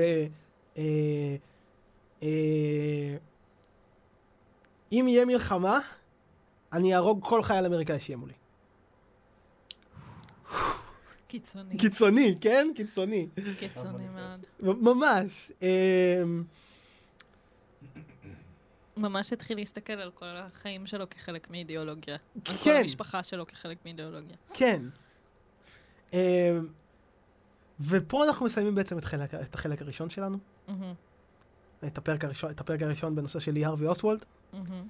אה, בשבוע הבא, למאזינים, לנו זה יהיה תכף, אנחנו נמשיך את הסיפור, ונגיע לחלק השני ונספר מה קרה ברוסיה, מה קרה אחרי שהוא חזר. אלה השנים האחרונות בחייו, בעצם ב- בחמיש- זה 59 עכשיו. אה, פה מתחיל הסיפור ה... של ה- מה קורה מפה, ואיך הוא מגיע ל- לרצוח את קנדי. אה, ספוילרים. כל זה נדבר עליו, ספוילר. איך כל זה נד... ספוילר, קנדי מת. לא! מסתכלת לי בדפים. אה, איך היה לך עד עכשיו? אה, מעניין, מעניין. אני מחכה לחלק הבאמת אה, העסיסי. העסיסי. אני חושב שזה היה מאוד מאוד עסיסי עד זאת עכשיו. אומרת, אני חושבת שזה ממש עזר לי להבין, כאילו, את הדמות, את, ה, את הבן אדם שעומד מאחורי המעשים, או Mm. איך הדברים אה, בחיים שלו אה, גלגלו אותו בעצם להיות ה, הבן אדם שהוא, איך הדברים הקיצוניים שהוא עבר, המשפחה שלו, כל ההתנהלות הזאת, Mm. אה, גרמה לו להיות אה, בן אדם מאוד מאוד מעורער ומורכב. כן. אה, מעניין, מעניין. אה, ולא יציב. מאוד לא יציב. כאילו, כמו אימא שלו, שלא יודעת להיות... שהחוסר יציבות הפנימי מתבטא בחוסר יציבות חיצוני. מהמם. טוב, אנחנו נסיים את הפרק של היום, ונתראה בשבוע הבא. להתראות. להתראות.